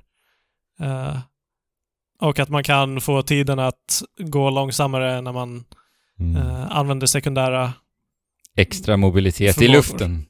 Ja, men den extra mobilitet i luften. Ja, nej men alltså allt som allt, jag eh, dyrkar det här spelet alltså. Jag tycker att det var bara ren och skär spelglädje rakt igenom. Alltså striderna Mm. är så fantastiskt bra så att det, det är bara, det är häpnadsväckande liksom. Alltså när jag, när jag kommer in i det här flödet som vi pratade om i förra avsnittet så, så finns det inte mycket andra spel som ger mig de känslorna det gör. Men är Ja. det bättre än original Doom från 2016? Ja. I mekanik tycker jag det. I ja. mekaniken? Ja, exakt. Det är jag, det jag menar. Jag tycker det. Jag, jag tror att det kan ha att göra med att jag spelar på PC nu också, för att det, det gör, gör ju sig såklart väldigt mycket bättre på PC alltså. Nej, men jag skulle väl säga att det här är liksom en vidareutveckling av Doom. Ja, i sin mekanik, Eh, definitivt. Helt och hållet. Liksom. Mm. De, de gör saker bättre, de har tänkt igenom saker lite mer. Eh, de, de vidareutvecklar eh, alla, Ja. alla system. Liksom. Så ni, ni har liksom verkligen så här stornjutit eh, av när ni har spelat det här spelet av just mekanik och flöde? Exakt. Ja, hund- av 100%. mekaniken och flödet. Ja. Eh, det, det är så bra det kan bli. Mm. Men jag dras fortfarande inte till det här spelet. Och jag vet inte riktigt vad det beror på. Om det är att jag, jag har... Jag får en avsmak av allt det här gåriga, eh, av hela jargongen som det här spelet har. I första tyckte jag att det var kul Mm. med den här jargongen som de har, att de bara driver med allting. Mm. Men här har de försökt göra, här har de det, någon, det är någonting som eh, liksom är ändå på något sätt lite seriöst. De har Definitivt. tonat ner på Doom, Doom Guys eh, liksom irrationella ilska. Till exempel när du tar uppgraderingar så drämmer inte till robotarna Nej, och grejer, utan nu tar han dem snällt liksom och så här. exakt. Jag vet inte. Nej men jag håller med, ironin, det är ju den som, Ja. den känns inte riktigt lika träffsäker. Det finns fortfarande glimtar av den sådär, men jag tyckte definitivt att den gjorde sig väldigt mycket bättre i 2016 alltså. De, de hade en liksom tydligare ton på något sätt. Mm. Eh, Och jag tycker att det är lite för mycket story. Det är lite för mycket mellansekvenser. Alltså jag... Och det är dålig story också. Och det är, Ja. alltså, de, de, de försöker inte ens sopa under mattan och de försöker inte ens driv, på något sätt driva med att det är en dålig story. Nej. Jag, jag är övertygad om att de inte försökt göra en bra story liksom. Alltså det får man väl känslan av, kan jag tycka. Jag, jag tror att de har lagt en del arbete i att försöka få någonting. Nu, ja, jag har ju klarat av det också, så det kommer mer alltså. Ja, jo. Visst. Men och det kanske finns någonting i också att det första spelet förväntade man sig i princip ingenting av. Nej, Ja. precis. Och då var storyn som en så här... Eh, Bihang. ja, men också som en stor bonus liksom. Att, oj, de har ju lyckats liksom göra en rolig grej av det här. Och nu på något sätt så har de själva kanske haft lite svårare att följa upp på det för att de har förväntningar på sig. Mm. Och då försökt göra någonting... Det verkar ju, de verkar ju ta i för mycket, eller liksom Verkligen. försöka för mycket Jo. nästan. Verkligen så. Jo, det kan vara så. Och jag, jag tycker fortfarande att så här, jag pratade lite om, jag drog en referens till Marvels universum. Mm. Jag får fortfarande den känslan alltså. Att de försöker få det liksom episkt och storskaligt på samma sätt på något vis. Mm. Eh, Även i som sagt omgivningar och, och liknande. Men sen är det ju så här, jag har spelat igenom det nu, så finns det ju, man märker att de försöker hitta sätt att eh, ge oss andningspauser emellan alla strider, vilket behövs. Mm. Jag tycker Mm. att plattformshoppandet gjorde det bra, faktiskt. Och jag har ändå så här haft ganska roligt med plattformsmomenten. Eh, Ja. Och de är som sagt ganska tillfredsställande. Det skapar en liten, liten variation mellan striderna. Där har de gjort det bra.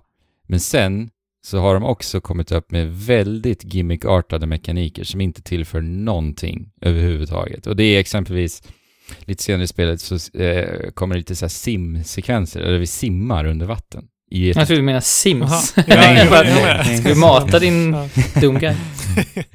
ja, nej men eh, vi simmar. Undervattens eh, delar på banorna. Det brukar ju alltid vara ett recept för framgång, eller? Exakt. Ja, men det, det kontrolleras jättedåligt och det är bara till för absolut Oj. ingenting. Så när jag var i de sekvenserna så var det bara så här, jag ville bara få det överstökat. Och sen så här, när jag kom till nästa rum och upptäckte att jaha, det är vatten här igen. Då blev det lite så här, det blev ett sånt hack i flödet liksom, på ett dåligt sätt. Mm. Och det tillförde ingenting. Och det finns lite andra sådana saker också som bara känns totalt onödigt. Man fattar ju liksom syftet med dem, varför de gör det. Men då känner jag också lite så här, smalna ner hela upplevelsen. Det tog ändå så här 17 timmar för mig att dra mig igenom det här spelet. Mm. Kanske lite för långt alltså. Bara fokusera det lite mer, som, som 2016 var ändå. Mm. Eh, men alltså, som sagt, spelmekaniken i stridsmomenten är ju, det är en förlängning av 2016 och det är bättre och det är fantastiskt, men det har lite så här skö- skönhetsfläckar ändå alltså. Ja, eller hur? Eller alltså, jag vet inte. Du, du vet ju hela paketet, så att säga, men jag har från första början känt att, det inte, att jag inte har något driv, något liksom sug till att spela det här spelet. Även fast när jag väl gör det och är i de här underbara striderna Mm. så, så känns det riktigt jäkla bra. Men jag har inte lyckats Mm. sätta fingret på vad det är med Doom Eternal som, som är lite repulsivt Mm. Nej, Jag, jag har haft en helt otrolig rutin när jag har spelat Doom Eternal. Jag har gått ut på ett springpass i det verkliga Ja. livet. Sen har jag kommit tillbaka, satt mig vid datan och eftersvettats, för ni vet, man vill ju såklart inte hoppa in i duschen direkt när man har varit Nej. ute och sprungit. Jag satte mig vid datan, spelat igenom ett uppdrag i Doom Eternal. Sen har jag liksom gått och duschat och gjort annat under dagen. Är det ganska långa Ja. uppdrag, eller? Är det så? Ja, de är ganska långa. Det är runt en timme ungefär per uppdrag. Mm. Eh, Så jag har spelat alltså ett uppdrag i Doom Eternal typ varje dag sedan förra, förra avsnittet. Och det har varit Mm. en otrolig rutin. Så att jag alltså tänker, jag har spelat de här fantastiska striderna med Ja. endorfiner i kroppen. Ja, Alltså, det- Du kände dig lite mer som Doom Guy. När du... Det ruset jag har fått, det har varit, jag skrev i våran chatt att jag hade rysningar. Jag hade seriöst rysningar under ett helt uppdrag i Doom Eternal. För att det, det var så Ja. fantastiskt kul. Musiken var helt otrolig på den banan också. Det är en låt som heter Eh, vänta nu, jag har skrivit upp det här. Jag tycker bara namnet var ganska kul på den låten. The only thing they fear is you. Och den går, och den går väldigt bra in i faktiskt den låten.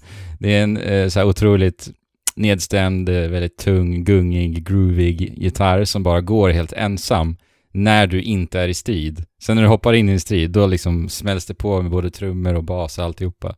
Och det på endorfiner med ett flöde som det här spelet ger en, ja, det var bara helt otroligt alltså. Det, det är nog ett sånt ögonblick som jag kommer ta med mig när vi ska summera året som det bästa ögonblicket det här året. För det var sjukt Ja, alltså. det låter helt underbart. Ja. Men det kan ju vara, det kan vara en idé att så här skaffa en bra rutin för att spela det här spelet. För att Mm. eh, som sagt, det, man kan få för mycket av det goda i det här fallet. Ja, det tror jag. också.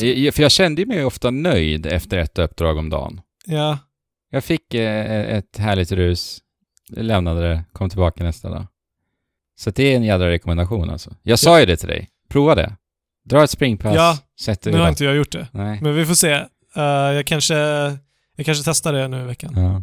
Se om det kanske, kanske gör mig mer Mm. Eh, inclined. Men vi pratade ju lite om det här med att uh, demonerna har ju så svaga punkter i Doom Eternal också. Det är en ganska ny, stor nyhet i Eternal. Eh, och initialt, så här, de första uppdragen, så tyckte jag att det kanske tog bort lite utav friheten i spelet. För det var så här, så fort du såg en Kako, Kako Demon, Ja, då, då är det så här, upp med, upp med shotgun och släng Ja. iväg en sån här granat för att, så att den sväljer den så du kan gå fram och göra en glory kill. Och det blev lite väl styrt, att det blev så här, du skannar omgivningarna, ja precis. sen ser du bara exakt momenten du behöver göra. Det är en ganska tillfredsställande planering i det förstås, men det vart lite väl styrt. Och just att, att spelet också ger en en sån här pop-up där det står svart på vitt exakt fiendernas svaga punkter. Ja, precis. Det, då var det också så här att de begränsade ju min kreativa förmåga där. För då var det så här som att Ja, spelet och- sa så här ska du göra, liksom. Eller, Ja, precis. för det står ju Och- inte så här, så här kan du också göra, utan det är så här, så här gör du. Liksom. Nej men precis. Det underminerar ju din eh, förmåga, eller, eller din upptäckarglädje. Ja, precis. Eh, helt och hållet när det kommer till det. Men sen ska ju sägas att alla, eh, det är väl bara Kako Demon som är så.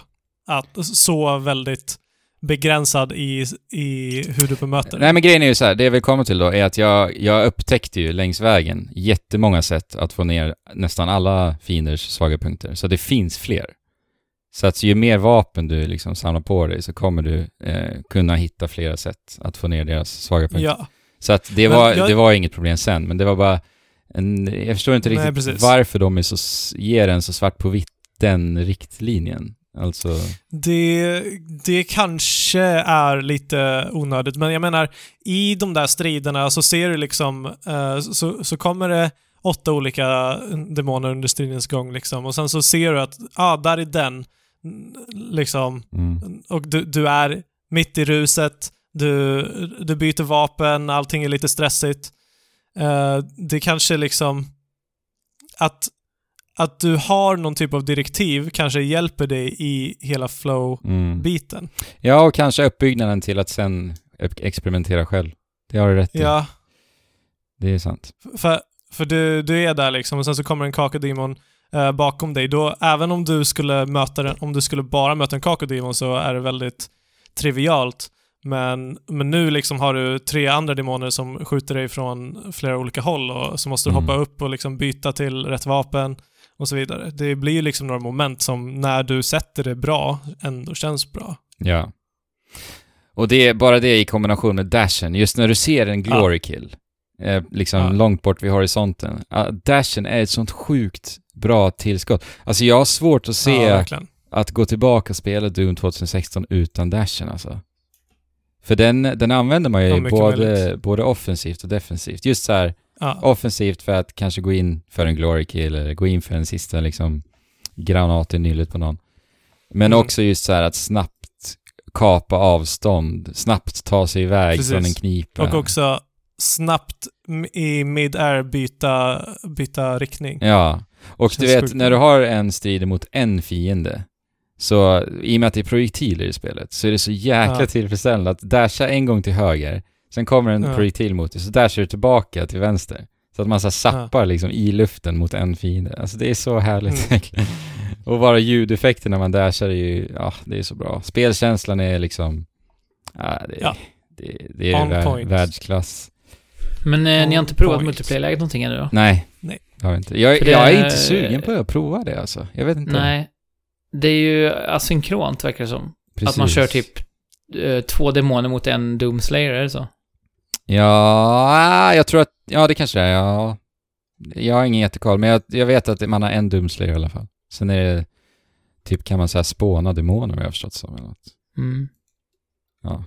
Battle mode kallar man. Ingen aning. har inte ens tänkt på multiplayer-läget. Mm. Ja, nej men eh, det är väl typ Doom Eternal. Jag tyckte det var helt otroligt. Alltså det är ett av, ett av de mest underbara spel som ger mig en sån snabb, direkt tillfredsställelse. Alltså, det räcker att jag bara liksom går lite med Doom Guy och det bara känns underbart, typ. Det är som en drog Ja. alltså. ja, men ljudeffekterna som sagt och tyngden i vapnen. Jo. Ja. Ja, Mm. men ja, alltså den över, övergripande känslan är, ju- är ju där.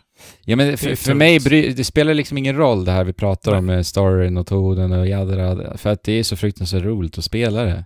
Alltså det, Mm. det väger alldeles för mycket i det här fallet för mig alltså. För att eh, kunna säga att det är ett av årets bästa spel för mig. Det, vi har inte kommit långt på det så att det säger väl inte mycket men, men ja ah, shit, otroligt, otroligt roligt. Ja.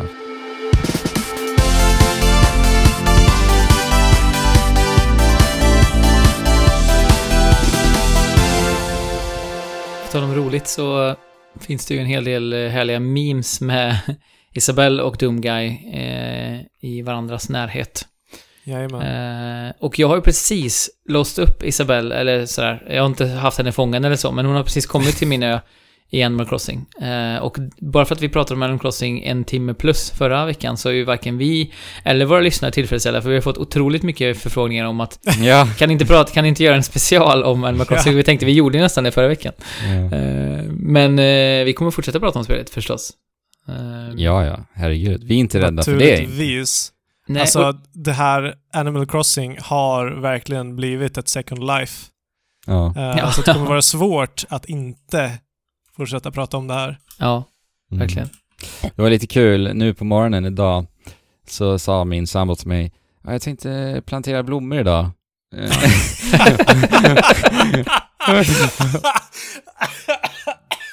jag fann mig själv tänka för en stund, menar hon i det verkliga livet nu, eller menar hon i- i Animal Crossing?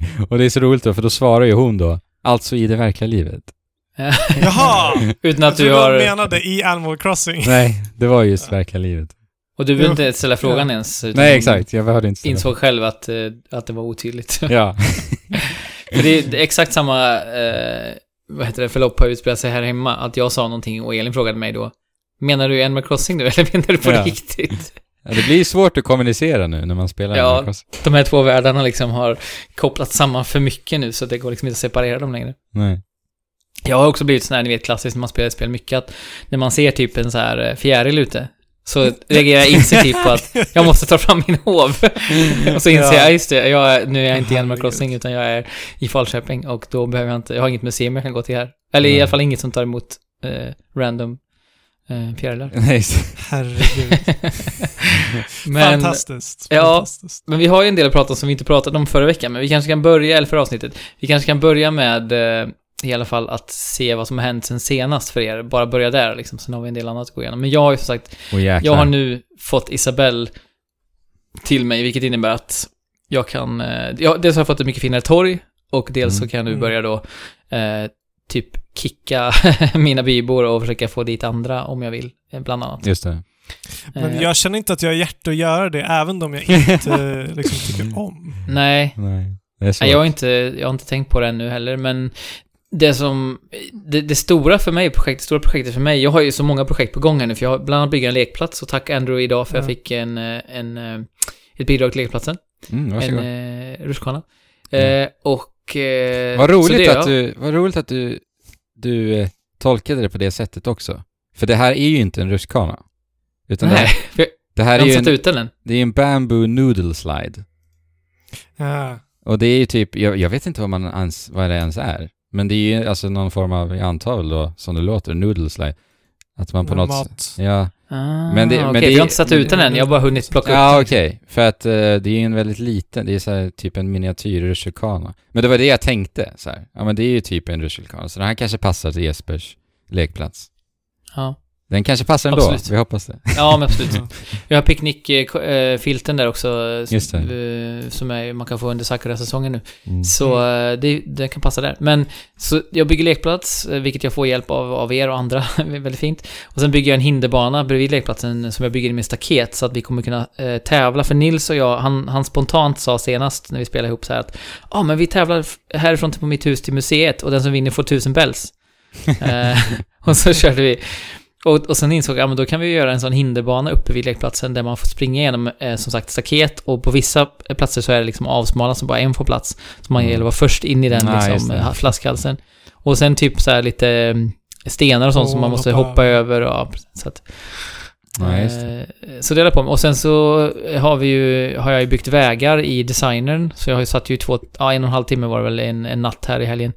Och eh, byggde vägar. Ja. Eh, och Elin råkade eh, så här, man kan ju trycka på Y och borsta bort saker som ligger på marken. Typ eh, hål och typ eh, ja, designs som ligger på marken. Mm. Hon har råkat göra det på vissa ställen så jag får gå och liksom fylla i dem igen nu.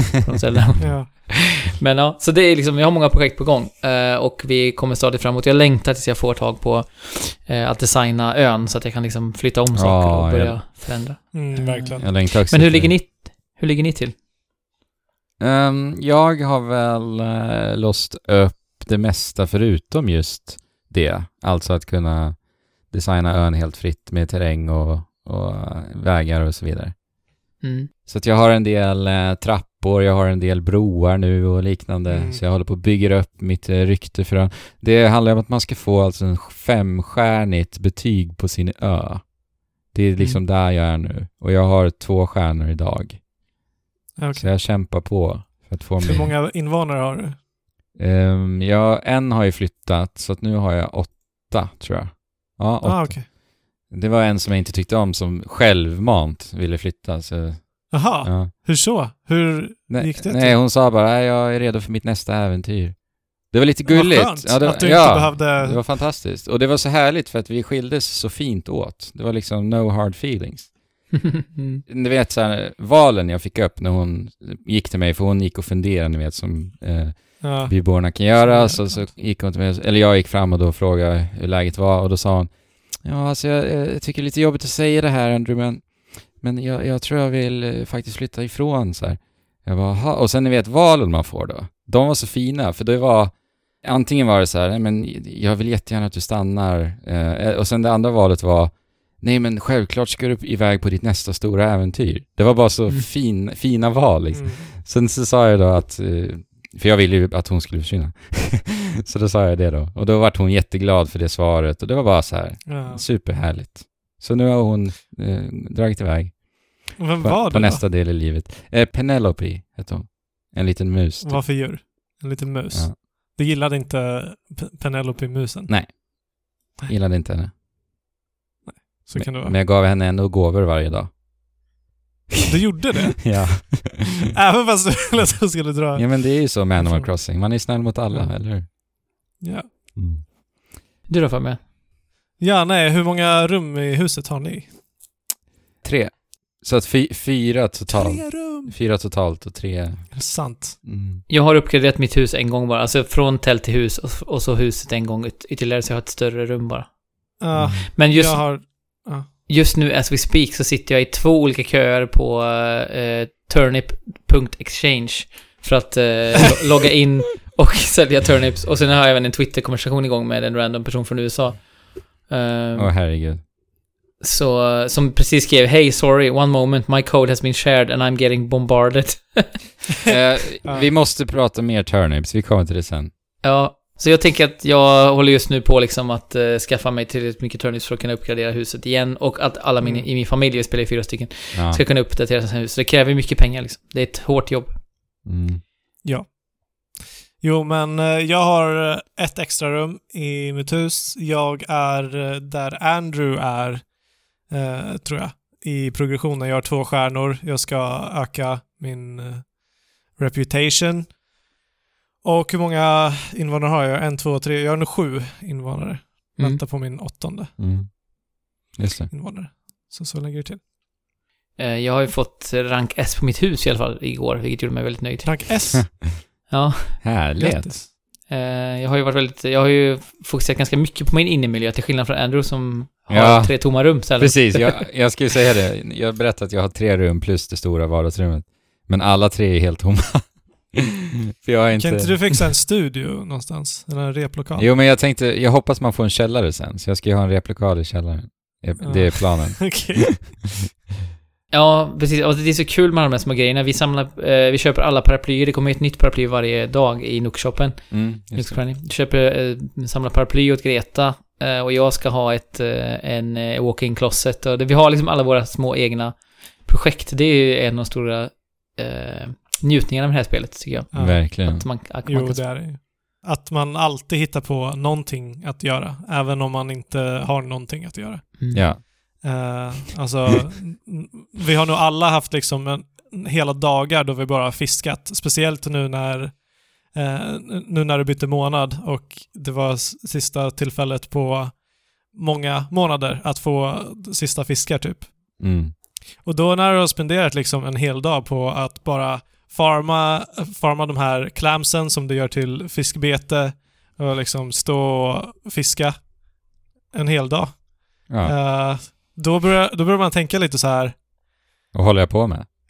eh, ja, vad gör jag? Är det här slös med tid? Uh, ger det här mig någonting? Och alltså, om man ser det på den mikronivån att att det, det är just det man gör där så är det ju helt och hållet värdelöst. Just den eh, Akten Den av att inramningen. stå... Ja. Mm.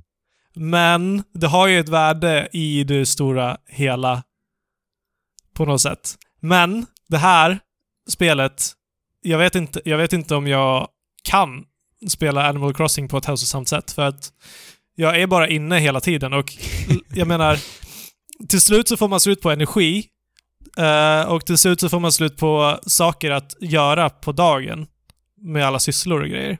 Mm. Eh, Pra, pratar vi IRL slut- eller pratar vi om Animal Crossing nu? Om Animal Crossing.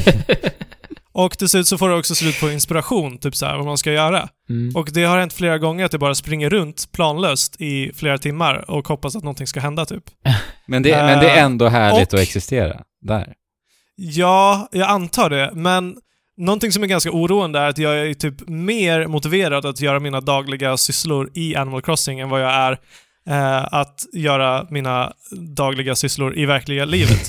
Jag är mer motiverad att höra av mig till kompisar som jag har på Animal Crossing och skriva brev och så här eh, till folk i Animal Crossing än vad jag är liksom i verkliga livet.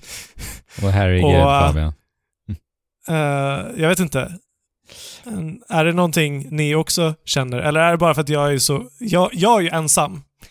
Eh, och jag sitter ensam i, i de här eh, tiderna då vi inte ska vara, vara tillsammans med, med utomstående. Mm. Eh, medan ni har era familjer och era sambos och allt vad det är. Eh, eller jag vet inte, gre- greppa efter, efter strån nu. Och försöker bortförklara mitt, mitt väldigt Beteende, ja. abusiv, eller vad heter det, uh, ohälsosamma beteende. Nej, men alltså det är ju det är ju så i spelet att det är mycket roligare att göra eh, Shores i Animal Crossing än i, i en på riktigt. Och då har jag ändå inte... Animal Crossing Shores ger ju inte jättemycket... Nej, och de är eh, inte jätteroliga alla gånger. Nej, men det, men de ger inte så mycket instant feedback heller. För det är inte som att du får Nej. så här... Nej. Eh, som i många andra spel, att man får så här achievements eller så. Utan det är bara så här, ja, precis. jag, jag gör det här för att jag arbetar mot ett långsiktigt mål ofta. Mm. Mm. Så det är ju fascinerande att de har lyckats designa spelet så... eh, Och det har ju varit i alla Animal Crossing-spel, samma sak. Att man känner att man gör massa arbete men... Och, och, och liksom... Man får inte supermycket tillbaka egentligen, men man blir Nej. så belönad känslomässigt ändå på något vis, i sig själv. Ja, men jag, kan, jag Ja. kan verkligen relatera till den här känslan av att man planlöst bara går omkring. Mm. Jag kanske inte som i, som i ditt fall Fabian gör det i timmar. För den fasen för mig handlar mer om att så här hitta, Ja, man menar strukturera. totalt i timmar. Ja, ja okej. Men för det, det, det är en fas för mig att så här, strukturera upp en plan för nästa projekt typ, eller för nästa Jo, steg i ett stort projekt och sådär. Absolut. Men som sagt, till slut så har man slut på eh, kreativitet och till slut har man slut på energi och till slut liksom. Mm. Jag, då- jag har nog inte kommit dit riktigt ännu faktiskt, men jag kan ändå Nej. se det hända. Men jag är inte Men, riktigt där. Om vi ska vrida blickarna lite mot det som vi inte hann prata om förra veckan, det vill säga Turnips, multiplayer eh, och den pågående, det pågående eventet som inte hade börjat då i och för sig, när vi pratade Mm, förra gången. Nej. Men får jag bara, får jag bara... eh, f- det här spelet är tidsinvestering Mm. deluxe. Oh ja. Eh, liksom, man, man investerar sin tid och, och sina känslor i det här spelet. Eh, och det finns inget annat riktigt sätt att spela det. Eh, så så jag, jag måste bara... Jag har ingen beef med er i verkliga livet. Men när ni tog en bild på bara er tre, du, Alex och Jesper, eller Andrew, Alex och Jesper, utan mig, så blev jag ledsen. Men I var mitt jag, hjärta. var jag med på en bild? Nej, det var inte, det där var inte Det Jesper. var inte Jesper? Nej, det var en Discord-användare. Nej, okej. Ja. Okej, då, då lättas det lite här. Ja, vi tänkte, för vi, vi hade ju planerat att göra en avsnittsbild med alla oss då, i Animal Crossing, Exakt. men det, vi fick inte ihop det riktigt, så då tänkte jag Alex, ja, men vi kollar med Discord-användarna och ser om någon av dem vill haka på. Ja, ja. Och då var det en. Eh, så, Jag tror inte ens att jag har träffat Alex i spelet ännu. Nej, Mm. okej. Men hörni, vi måste, på tal om det, så måste vi ju ha en eh, hängarkväll. Eller Ja, ja, i alla fall hänga tillsammans. det är ju givet. Eh, Besöka varandras öar och se, kanske gå igenom en liten så här tour på varandras Ja, öar. precis. Ja. En house tour. Ja, så Crib, MTV Crib. Mm. Nej, så att eh, Ja. jag hoppas du inte känner dig sviken fortfarande då, Fabian. Nej. Eh, nej. Ja, nej men eh, vad, sa vi Jesper? Turnips, multiplayer och... Eh, ja, men ev- evenemanget som pågår Just just, nu. just det, just det. Eh, eh, Bunny Day. Vi kan väl börja med multiplayer. Vi har ju alla, allihopa har ju ehm, använt sig av multiplayer-delen ganska mycket nu när vi har spelat. Precis. Ja. Och den är ju lite konstig. Alltså, det här spelet överlag är sjukt jobbigt och sjukt omständigt och bara så här gör det svårt att göra saker. Och det är ju en tanke bakom det naturligtvis. Men när det kommer till online-spelandet. Alltså jag menar, på något sätt så, på något sätt så byter de ut lättillgänglighet mot skärm. På många sätt. Mm. Mm. Och ja, det är charmigt när, när man ser att folk kommer på eh, flygplanet och kliver ut och, och så vidare. Ja, blir presenterade av Blir presenterad. Orville och Wilbur heter de va? Mm. Ja, men när du har liksom sett det och är mitt uppe i någonting och sen så vet du att åtta personer kommer komma till den här. Då börjar det gå till överdrift. Det här vävs ju in i Turnip-systemet lite. Exakt. Ja. För Turnips då, vi nosade ju lite på det förra avsnittet. Det är ju då aktiemarknaden i Animal Crossing. Eh, Varje söndag... Stock market. Nej, market. det, stock market. eh, varje söndag så dyker Daisy May upp. Det är inte Joanne som Alex sa, utan det är Nej. Joanne är Hennes mamma. Dotter Precis, ja, det var en dotter eller barnbarn eller eller något. granddaughter. Mm. Ja, precis. Så det är Daisy May som har tagit den här skutan nu då i New Horizons och eh, Daisy May dyker upp på söndagar fram till klockan 12 på förmiddagen. Jag vet inte riktigt vilken tid hon dyker upp först, men ja, på morgonen i alla fall på söndagar. Och hon säljer då turnips, som är majrovor på svenska, har jag eh, li- Mm. listat ut. Mm. Ehm, Ja, rovor. Jag tycker, det är jag tycker rovor är ett härligt ord. Jag tycker generellt sett Ja. om att, över, som ni vet, översätta engelska ord till svenska. ja, Eh, ro, rovor är ett härligt eh, ja, verkligen. uttryck tycker jag. Håller med. Ja. Jag tittade upp lite recept på hur man kan tillaga det också i samma veva. Ehm, Mm. men, På riktigt alltså. På riktigt, ja, ja exakt.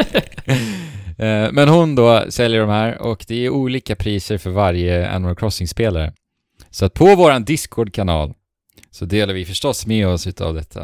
Eh, Så vi ser vart vi har eh, de billigaste priserna förstås, man vill köpa dem för Mm. så, så få bells som möjligt. För vi vill ju ha många.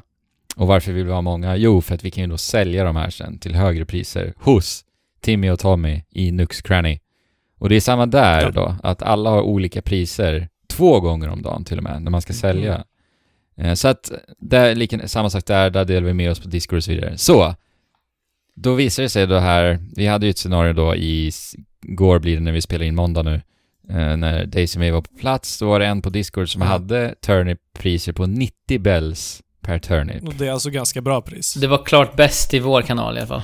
Har vi sett något nå mindre än 90 Inte i världen? i, i världen skulle jag säkert tro va? Jag vet inte. Jag har inte, jag har inte sett det i alla fall, utan det var det är det så? Okej. Ja. Ja, du som har varit på, på Reddit och liknande. Ja, men jag började med det idag, så jag, Ah, okej. det är inte så... Det är, och idag, idag är det ju måndag när vi spelar in som sagt, så då kan man ju inte köpa turnips, utan man kan bara sälja Nej. turnips. Ja. Eh, Jag är ju för övrigt i kön för att sälja för 531 bells just nu Åh, per herregud är- alltså. Åh, Jäklar. Eh, jag köpte turnips nu igår. Jag tror jag köpte 11 000 turnips. För en miljon bells köpte jag. Helt galet. Eh, men eh, i alla fall då så eh, var det en, eh, en kär användare på Discord då som ställde upp och öppnade upp eh, portarna för att vi skulle då kunna komma till honom och köpa turnips. Och det är Ja. här då det här problemen kommer in som du pratar om Fabian, med online-delen.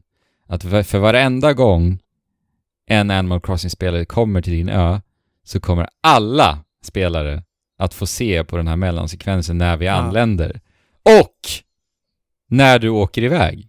Och när du åker iväg. Det är helt absurt. Och sen ska det ju sägas då att, hur lång är den? 30-40 sekunder kanske? Ja, alltså den är lång. Ja! Den är jättelång. Och sen så om du gör någonting så kommer det upp så här. Sluta med det här nu. Sluta med det här nu. Ja, Sluta med det här Please. nu. Ja, gå ut från skärmen du Ja. är inne i nu, ja. Då kan det vara så att man stryper någon som vill komma också. Om du sitter och Ja, fipplar i precis. meny. Alltså det är så dåligt. Det var ju en gång när jag kom och besökte dig Fabian. Då, var ju, Ja. då, var ju, då spelade ju inte du spelet, men du hade en meny Nej. uppe. Så jag, jag Ja. kunde inte lämna din ö på typ så här en Nej. halvtimme. Så, jag, så vi var tvungna att ringa dig. Vad Fabian, stäng ner telefonen i spelet. så jag kan åka hem. Ja, exakt. Ja, det är så Ja. dåligt alltså. Ja, men det är helt, helt galet. Och det här, det här eh, resulterar ju då i att när du är många på en ö så blir det panik Ja. när man ska börja lämna. För att den, alltså folk vill ju lämna så fort som möjligt så att de slipper sitta och titta på de här eh, sju, sex, sju personerna som ska lämna Ja. eh, ön. För att det är någon som måste se alla lämna ön. ja. ja. ja, det är så dåligt alltså. Så man, alltså, man borde ha ett schema på att, att den som kommer in först på en ö borde också vara den som lämnar sist sen då. Mm. Eller vänta nu, nej, lämna först blir det så att, all, Ja. så att alla får se samma mängd liksom.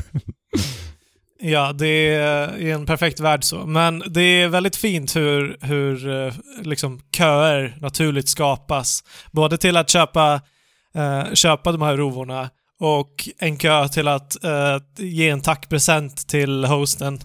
Exakt. Det, Slå in det i lite papper fint. också. Kan man göra. ja, precis. Mm. Det, det, alltså, men, men de måste, de måste ändra på det där. Det, jag vet inte. Vad är anledningen till det? För det många, finns- alltså många andra saker förstår man ju att de gör det krångligare för att folk har kontaktat varandra för att de är rädda att barn ska utsättas för liksom, hemskheter på, Ja. i online-spel. Men, men det här verkar ju, det här har ju ingenting med det att göra. Jag vet, Jo, det, men det har väl att göra med att man ska vara väldigt väl införstådd med att det är någon som är på din ö, så att man inte blir överraskad att någon har liksom eh, gjort en penis mm. på... Nej, du, du måste ju vara best friend då, så att det, det är liksom... Jag vet inte vad det finns. Ja, men det tar ju sån tid. Ja. Och det kan man väl egentligen säga om ganska mycket i spel. Jag har märkt det nu så här, jag, jag har spelat 105 timmar, det är helt sjukt. Är det sant? Ja, Alex är jag uppe vill i, inte ens veta. Alex är uppe i 125 nu. Det är sjukt. Alltså det här är mer än vad vi spelar eh, bra spel liksom. Ja men det här är ett bra Vanligtvis. spel. Jo, jo, jo. jag, jag har spelat det i är 40 ett helt timmar. fantastiskt spel. Ja. Ja, Jag det, titta. det är galet. Jag tror du är uppe i 70 Fabian. Jag tittade nog i morse. Ja. Har tittat. Hur kommer det sig att ni är, har spelat mer än vad jag gör? Har gjort. Ja, Alltså så mycket mer. 75 timmar eller mer står det. Ja. Alltså det har varit intressant att så här, titta på sina vänners speltimmar i Animal Crossing. För att alla, alla har över minst 50 i alla fall. 80 timmar! Ja. Alltså, på, Tre veckor eller? på tre veckor. Ja. 100... Nej, det är inte ens tre 25 veckor. Nej, två Det veckor blir det ju. Två veckor och en Två helg är det. Ja. Det är, det är en hel arbet... Alltså det är, det är mer än vad man arbetar ja. Men du på arbetar två ju veckor. i spelet. Det är det. Ja, visst. Tänk om du kunde få betalt för det jobbet du lägger ner i Animal Crossing. Vad skönt Alltså det man ska ju bli en Animal Crossing-streamare. Det är där ja. ligger ju framgången. Men typ, jag tänker också på, jag hade önskat nu som sagt när man har lagt ner så mycket timmar, man börjar ju se så här, saker och ting där de kunde liksom bara ha så här, Strömlinjeforma ja exakt, strömlinjeform. Typ, eh, när man pratar med bladders exempelvis. Eh, Ja, det- att de säger samma Ja. saker hela tiden. varför inte bara någon skip liksom? Håll in typ en knapp för att skippa hela, Ja. allt babbel, allt bladder. Ja. Men det, är, Eh, precis. det är det som är så kul, för du sa ju det här Fabian förut, att de har liksom ersatt mycket av smidigheten med att så här, ja, men vi vet att det här är osmidigt, men vi lägger Ja. in en, en liksom mysig animation här, eller att, Precis. att fåglarna pratar med. Det är samma sak med Bladders ju. Alltså han heter ju Bladders, som sagt, som du Ja. säger, för att han babblar, och de Ja. liksom så här har designat det så med flit. Men, Ja, men precis. men när man det är ju spelet kul. mycket så blir Ja, ja. men, ja. men... Och när Och man hans- träffar hans syrra Celeste så säger ja. hon liksom, ja precis. Ja. Säger du det? Nej men att, ja, de säger ju det, att han babblar liksom mycket, jag ber om ursäkt för det. ja. Och sen babblar hon lika mycket själv också. ja.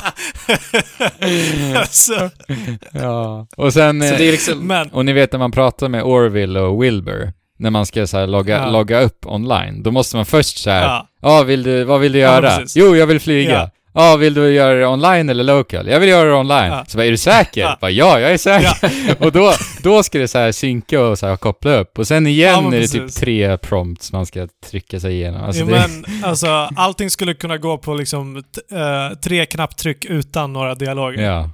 Eh, men, eh, nej. Nej.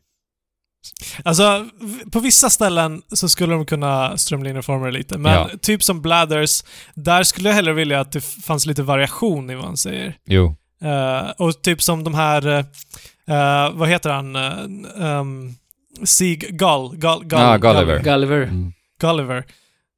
Han säger typ exakt samma saker varje gång och man gör exakt samma saker varje gång med honom och det där spöket Wisp. också, samma sak. Och det är lite så här... Jag gillar när Gulliver fick en kittelattack utav ett sjömonster. ja. Ja. Eh, jag måste faktiskt avbryta er lite nu eh, in en minut, för jag måste gå ner och hämta min eh, Switch-laddare, för jag sitter i plats 6 eh, i kön av 100 nu. Och, Ah, okej, och, och okej. min laddare, Men- har 5% kvar på switchen, så att... Ja, men du är entledigad. ja, jag kommer tillbaka strax. Men vad var vi? Ja, men Gulliver och... Strömlinjeforma saker och ting. och strömlinjeforma. Ja. Jo men det, och jag vet inte, jag hade förväntat mig, nu kanske det kommer eller läggs till eller så, men att det skulle finnas lite mer eh, liksom random aktiviteter. Nu verkar det som att det är Gulliver och spöket typ. Mm, Eh, precis. och, att, och att de kan, kanske inte skulle upprepa sig på exakt samma sätt. Nej. Eh, Nej, exakt. Nu blir man ju mera glad för att vi vet ju vad vi får när vi hjälper dem. Det är inte så att man, det blir, man blir inte glad utav en ny överraskning liksom, när de dyker upp. Nej. Men alltså hur är det med spöket förresten? För att man säger så här, jag vill ha någonting eh, dyrt. Då säger han, jag vet inte vad som är dyrt. Ja. Eh, och sen så när man säger att jag vill ha någonting jag inte har, då säger han, jag vet inte vad du har. Jag tar alltid something new i alla fall. Sen jag vet inte hur det funkar liksom. Men jag brukar få saker jag inte har i alla fall. Ja, Men eh, jag har tagit expensive några gånger och jag har fått skitsaker som inte alls är dyra. Ja, okej. Ja, men då är det nog värt att ta uh. då. Ja, men frågan är om han har koll på vad som är nytt också. Ja. Att det, om det spelar någon roll Han överhuvudtaget. verkar ju inte ha koll på så mycket i och med att han tror att vi Nej. är ett spöke. Så. Ja. Men han själv är det. Ja, alltså, det, det är sjukt charmigt, men kanske att de skulle att det skulle finnas lite mer varierade sådana aktiviteter eller att det är samma karaktärer med olika aktiviteter eller något. Ja, Och absolut. att de kanske inte, kanske var lite eh, glesare fördelade. Mm. Jag fick faktiskt en ny sådan idag som dök upp. Så det kommer ju... Okej. Ja, Det kommer, okej. ja. Det dyker upp Nice. lite grejer alltså. Sen får vi se hur länge det håller på. Men sen är det ju det här att bara vetskapen om att de kommer uppdatera hela tiden. Just eh, Bunny Day som har Ja, kommit. men precis. Det är ju helt fantastiskt liksom. Att, Och det skulle ju kunna, det, alltså...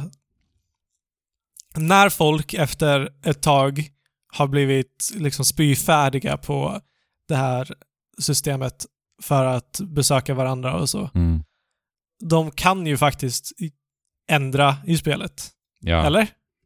Du menar det, Alltså, kan hela de det systemet? det? Ja, men det borde de kunna. Att de bara så här, nej men eh, nu, vi, nu kan vi trycka på skip typ. Det kan vi väl hoppas i alla fall, tänker jag. Ja, Mm. jo, jo, det gör vi Sen utan vi tvekan.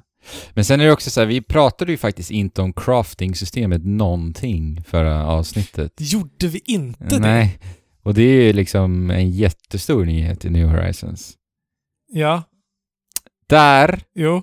Också bara, nu har vi inte pratat om det, men där vill jag också se, när vi är inne på så här strömlinjeforma saker och ting. Där skulle jag också vilja se det. Eh, för det är nämligen så att när du craftar saker så kan du bara crafta en sak åt gången. Ja, men precis. Och till exempel, du pratade här om när, när du hade din fiskperiod, när du fiskade i timmar för att Mm. få den där sista marsfisken. Då behöver vi crafta de här fiskbetena. Och det kan Precis. vara typ så att man har så här 24, 25, 30 styckna. Och då, Ja. då kan du inte bara craft 30 styckna nu. Nej, Utan du måste gå igenom en animation för varenda en. precis. Alltså, det... jag- Jag tror att man får så här Nook Miles när man har eh, gjort 100 beten eller något. Ja. Och jag fick den. Och då har man liksom gått igenom den där Animationen eh, så många animationen 100 gånger bara för fiskbetet. Ja, Och det är absurt. ja. Verkligen. Det, det, det där känner jag lite att de måste ju nästan fixa det alltså. Jo men, eh, som sagt, alltså det... Frågan är, eller jag vet inte. De gör ju så att saker är jobbigt för att det ska kännas lite mer rewarding på något sätt. Mm. Ja men en Eh, sån Och sak. det, det är ju deras mentalitet bakom att de har val, bakom valen som de har gjort fram tills nu. Mm. Vi vill inte att det ska kännas eh, liksom blasé att göra saker och ting. Mm. Men det är också väldigt japanskt. Eh, Ja, verkligen. I att så här, nej, det är så här det ska upplevas. Eh, allt annat är fel, liksom. Ja. Ja men Eh, precis. Den saken kanske stör mig på allra mest när det gäller craftingen. Det är resurserna. Resurshanteringen. För att det är många gånger jag bara, ja ah, men den där ska jag crafta. Så går jag till craftingbänken och sen så upptäcker jag, ah, jag, Ja. jag har inte materialet. Varför kan jag inte bara crafta ifrån från eh, mitt storage jag har i huset? Ja. Jag måste gå till huset, plocka ut Ja. det, ut igen. Det är, det är en del laddningsskärmar och grejer emellan där också. ja. Så där, där känner Nej, jag jag med. faktiskt en suck alltså, många gånger. I alla fall att du skulle kunna ha någon typ av låda där du lägger in allting som du vill ha. Som är utomhus, typ. Mm, Som skulle kunna vara eh, utomhus. I anslutning till men bänken, som- typ. Och sen ska Ja, man, eller att när du är i huset så kan du använda allting som är i huset. Så att om du har en craftingbänk i huset kan du göra allting. Mm. Vi skulle också vilja ha eh, ett sätt att markera ett recept för att få, få upp en checklista på vad jag behöver, så att man slipper hela tiden Ja, typ kolla det. in. Så det hade varit skönt att kunna ha liksom en, en bara bocka av att nu har jag de här sakerna, jag behöver tre wood Ja. till, ja men då kan jag gå och Precis. fixa bara det istället för att hela tiden gå in i en meny Mm. eller sådär. Och det här modernt de här sakerna vi system. pratar om är ju såklart små petitesser, men när man lägger så här så många timmar i spelet, så då, då blir det liksom större problem i slutändan. Ja, men Mm. Alltså det, av 100 timmar så är det ju säkert nästan en timme som man har, har varit i crafting-animationen liksom. precis. Och jag, en sak jag också stört mig på li- orimligt mycket faktiskt, det är att eh, verktygen tar ju en plats i ditt inventory. Bara Ja. det tycker jag är också så här Mm. varför? varför? För att vi har ju så här hjul, ni vet, så här, med verktygshjul. Eh, där hade jag gärna velat se att de har sin plats där istället. Och en sak jag stör mig på, som allra mest orimligt mycket då, det är det jag ska komma till, det är att när, du, när ett, ett verktyg går sönder, Ja, så försvinner den ifrån din Ja. plats i hjulet. från hjulet. Ja, jag vet. Och det är så irriterande att, för jag Jag har, vet. jag har ju min rutin, neråt är min vaulting pole, Exakt. uppåt är fiskespöet. Så måste Exakt. jag alltid hålla på och fippla, alltså det, där kan jag också sitta, jag har säkert en timme jag har suttit med att bara fixa det där jädra hjulet på mina Alltså det är helt, helt sjukt. Ja. Det funkar så länge du tar, så länge du ersätter eh, varje Direkt med den. grej som ja. direkt. Mm. Men det, det är ofta man inte gör. Ja. Och då, då är man helt körd. Varför blir inte den bara grå när den är paj? Nej, jag vet Och sen när du har craftat den igen Jag så, inte. ja. Är Nej, men vi ändrar på... Alltså, Ja. vem ändrar på sin... Ja. eh, eh, på sitt hjul? ja. Det sitter i ryggraden och det är en sån så, sak som så naturligt bara blir en vana. Och sen en annan sak, på tal lite om online också. Varför kan vi inte skicka brev till våra vänner ifrån brevlådan? Jag vet inte. Och sen så måste man gå dit också till och sen så måste han fråga så här. Vill du skicka ett brev? Ja. Vem vill du skicka till? "Eh, min vän. Okej. Vilken vän? Eh, det, vilken vän? Det kommer Mm. kosta 200 bells. Connecting to internet. Men det är väl också lite det här vi har sagt. De vill att det vi ska göra det. Alltså, det Ja. kanske också ger en extra känsla av att vi vet vad de an- den andra ja. personen har gått igenom Precis. för att skicka det här Exakt. till mig. Ja, men det kan jag ändå uppskatta för att Ja. Man känner ju lite så här self eh, gratifying när man så här, ja, nu skickar jag ett brev. Nu Mm. skickar jag ett brev. Eh, och sen så när man får ett brev så får man så här, ja, den här personen har fan gått igenom det där jävla helvetet för att skicka det här brevet till mig. Ja. Nu är jag glad. Alltså, det, man känner, det får ju ett värde i och med det. Mm. Och sen, att skriva breven också, med, med liksom, det, det tar ju hur lång tid som helst. Ja. Alltså på tal om värde Fabian. Mm. Jag sålde precis turnips på den här personen. Jag kom, till, jag kom in på personen på, på, ehm, på Twitter här. Jag sålde precis Ja. turnips för 1,4 miljoner bells. Oh Jäklar. lord. Nu är jag billionaire. Grattis! Billionaire! Live on podd! Wow. Live! Billionaire. Nu ska jag sprida pengar över mina, Hus, min, min familj. Som ska få nya fina hus. Ja. Wow. Nice. Vilken rush. Grattis. Ja. Tack. Grattis, grattis. Grattis. Tack. Hur Ja. många, vad, var priset sa du? Eh, 552 tror jag det var. Ja, det är bra. Så jag har... Eh, det är helt sjukt Jag bra. sålde 2400 eh, turnips. Bara, inom citationstecken. Ja. Oh lord. Men hörni, Eh, mm. vi som sagt, när du försvann iväg där eh, Jesper så började vi prata lite om just craftingen, för vi pratade ju ingenting om det eh, förra avsnittet. Jag vill bara, vad tycker ni? Om just den delen av spelet? Den känns lite... Den känns lite... ehm, random. eh, med, med recepten och så. Ja, För att jag, jag kan inte crafta något utomhusbord. eh, liksom stort utomhusbord. Men jag kan crafta liksom fontäner. Mm. Eh, och jag kan crafta stolar, stenstolar och trästolar och allt vad det är. Men inget bord. Bara för att... Jag vet inte. Varför kan jag inte crafta bord? Men varför det- finns det ja. inte sånt att köpa? Det verkar ju slumpmässigt det där faktiskt. Ja, eh, liksom standardsaker kanske man borde kunna köpa hos Nook åtminstone. Mm. Du, har kör, du har köpt alla de här DIY-katalogerna eller? Ja, ja. Ja. All, allihopa. Mm, Okej, det var inget sånt där. Nej. Uppenbarligen inte. Så att igår, men det, det gör ju också att så här, igår kom eh, Max från vår Discord över eh, och gav mig ett bord och ett par bänkar som han hade. Precis. Eh, Jag spelar ju som sagt väldigt mycket med min sambo. Jag sitter och spelar handhållet och hon på TVn. När hon får liksom nya recept som inte jag har, då tittar jag bara åh den där vill jag ha. Och sen så Mm. kommer hon över, craftar den till mig och så vidare. Så där har det ändå faktiskt tillfört ganska mycket i hur vi spelar Precis. spelet. ja.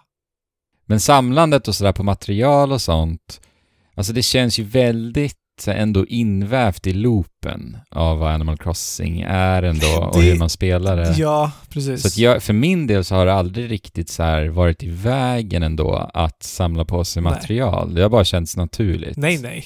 De har gjort en bra, hittat en bra balans ändå, just materialsamlande tycker jag. Ja, jag håller med om det är att- ju en del av att städa upp på ön och det är ju en del av den här... Skaka på Eh. träd för att få sina två möbler som trillar ner. Då får man lite tree branches också och så vidare. Ja, och det, det är ju de här dagliga sysslorna. Att Ja. slå på stenarna liksom. Precis. Och sen så... eh, jag har ju jättemycket i min... I huset ja. eh, i, i huset. ja. Så att jag behöver nog inte ha någon mer iron, men jag kommer ju fortsätta att mina liksom. Ja. Mm.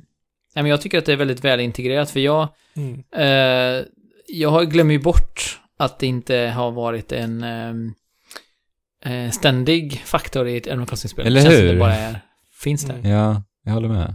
Väldigt naturligt tillskott. Mm. Så jag, jag tycker om det. Eh, någonting som jag hade gärna sett däremot är ju att eh, många av sakerna, de har ju små animationer, många av sakerna, och det finns ju väldigt många olika saker, så jag förstår att det är mycket jobb. Mm. Till exempel att skruva på en vattenkran eller att knuffa på en boll eller en ballong eller någonting. Mm. Men jag, eftersom jag bygger en lek, lekplats nu så har jag tänkt på att det skulle vara roligt om fler saker var gick att använda. Typ så här, jag kunde åka på en rutschkana Ja, eller jag visst. kunde använda en kickbike och åka runt på ön eller någonting. Alltså, det skulle ju vara Så nästa att det steg. inte bara blir, Mm. blir rekvisita liksom. Nej, exakt. Jag, utan fatt, att det går faktiskt går. jag har tänkt på det också, men jäklar vad mycket jobb alltså. Ja. ja. Alltså jag har tänkt på den bara av, fatta hur mycket artisterna har jobbat i det här spelet. Ja, det är helt galet. Alltså det är Ja, så för att de, många De allra föremål. flesta grejerna är ju också så här charmiga, fina på något Ja. sätt liksom. Ja. Eh, så det, det Det- är inte bara så här, de har slängt ihop någonting utan det finns väldigt mycket kärlek. Ja, verkligen. Allting går, går uh, sömlöst in i eh, hela, Ja, hela narrativet. Hela Mm. det estetiska narrativet. Liksom. verkligen. Eh, verkligen Mm. fantastiskt. Men jag märkte, ni kanske visste det, eh, men för de som inte vet det så kan man alltså med händerna rotera på föremål som man placerar ut. Mm, Ja, precis. Visste ni det? Ja. Absolut. Jag märkte det igår som sagt. Men eh, då, då håller du i A på A som om du skulle putta den och sen så, sen så trycker du åt sidan på spaken så kommer Mm. den att snurra på föremålet. Precis. Jag har alltid så här plockat upp den och ställt mig Åh nej! och puttat så här. Vad jobbigt. Eh, och jag bara, varför är det så här? Men jag var bara dum. Men jag, jag hade eh, önskat att man kunde gå in i den här designervyn överallt som man kan göra i sitt hus. Det är skitbra den, Ja. den vyn, men Mm. man kunde göra det även i världen. Just för att det. just så här slippa hålla på och fippla med grejer ute, utan bara kunna göra det på ett smidigt vis. Ja, Mm. och För det- ibland fattar... Ja. Nej, för jag tycker det funkar så extremt bra i ens hus. Det är ett väldigt Exakt. smidigt system. Mm. Och kameran kan man ju inte ändra utomhus och jag förstår inte hur den här kameran funkar alltid. Eh, för ibland så kan du, kan du titta högre upp, ibland kan du titta längre ner, men ibland kan du inte det och då kan du liksom inte se vad som finns där bakom typ. Jag tror att du bara kan titta, för det är tre lägen. Är det ju. Ett längre ner, Ja. ett i mitten och ett ovanifrån. Och ibland kommer du inte ner längre ner, ibland kommer du inte... Ja, Eh, och sen är det ett annat perspektiv som kommer ibland när du lägger eh, staket. eh, staket Mm. som är ännu högre upp. Ja. Och liksom, och det är typ när du är varför- bakom saker, verkar det som. varför kan du inte komma åt de perspektiven? Ja, men så, precis. Det är märkligt. Jag blev väldigt förvånad första gången jag såg att det så här zoomade ut. Oj, vad hände nu? Jaha, det är bara när man sätter staket som det går att få den här vyn, liksom. Ja. Ja. Märkligt. ja, men på tal om kamerakontrollen också. När man är inne i husen, varför är den inverterad? Ah, Har ni tänkt på det? Nej, jag vet inte. Jag, jag får spratt inte. varenda gång jag kommer in i mitt hus och bara så här ska skanna omkring med kameran. För att jag är så otroligt ovan med inverterad kamera. det är bara en sak jag har reagerat på. Jättestörigt. Men eh, Ja. som sagt, Bunny Day gick jag av stapeln här Bunny Day. eh, i veckan också. Som gör påsk i spelet alltså. Påsk i spelet och fick vi bekanta oss med Zipper T va? Heter den det? Zipper T ja, Bunny. Ja, något. Zipper. precis. Eh, som är någon form av hare. Psykopat Psyk- har. Psykopathare.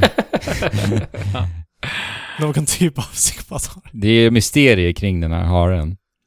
För att eh, haren eh, poängterar i de första dialogerna att eh, vi absolut inte ska röra hens eh, dragkedja på, på ryggen. Och det roliga är ju Ja. då att, att om du går runt haren och liksom rundar haren så kan du inte göra det. För att haren låser fast eh, siktet på dig. Så du kan inte gå till Ja. bakom ryggen. Och det, då testade jag och min sambo, hon åkte över till mina, testade vi att hon skulle prata med haren Ah. och så gick jag till ryggen och tryck. Och det är lite kul för då är det en unik dialog. Och då säger den bara, nej det där får du abs- absolut inte göra, rör inte den där. Nej, vad kul. ja, så himla roligt. Och en annan liten rolig detalj är att om ni går in i kameran i Nookphones, eh, telefonerna vi eh, har, Ja. Då går ni in i Mm. kameraläget, då låser ju sig kameran ni vet, så kan ni fritt röra er omkring med er karaktär. Mm. Om ni lämnar uppsynen från haren så ser man en animation när haren andas ut och går ur rollen som att vara Ja. en hare. Nej. Jag, jag såg Är det det på, sant? jag såg Ja. giffade på Twitter. det, är, Är det sant? ja, det är så kul. Alltså detaljer. ja. Detaljer, detaljer. Och just utpusten också. Så här. Ja. åh vad skönt. nu slipper jag. Ja, det är så bra verkligen. Ja, men jag fattar att den där haren är eh, eh, utmattad för att alltså eh, det, han, måste ju jobba, hen måste ju jobba nonstop med alla äggen som han sprider ut över jävla allt. Alltså ursäkta språket men över jävla allt.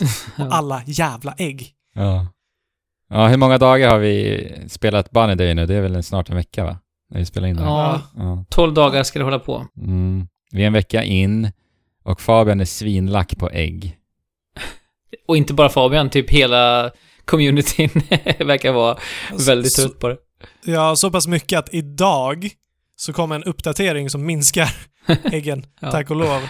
Jag har inte sett effekten av det ännu, Nej. men eh, det har ju liksom bara satt käppar i hjulen för ens progression.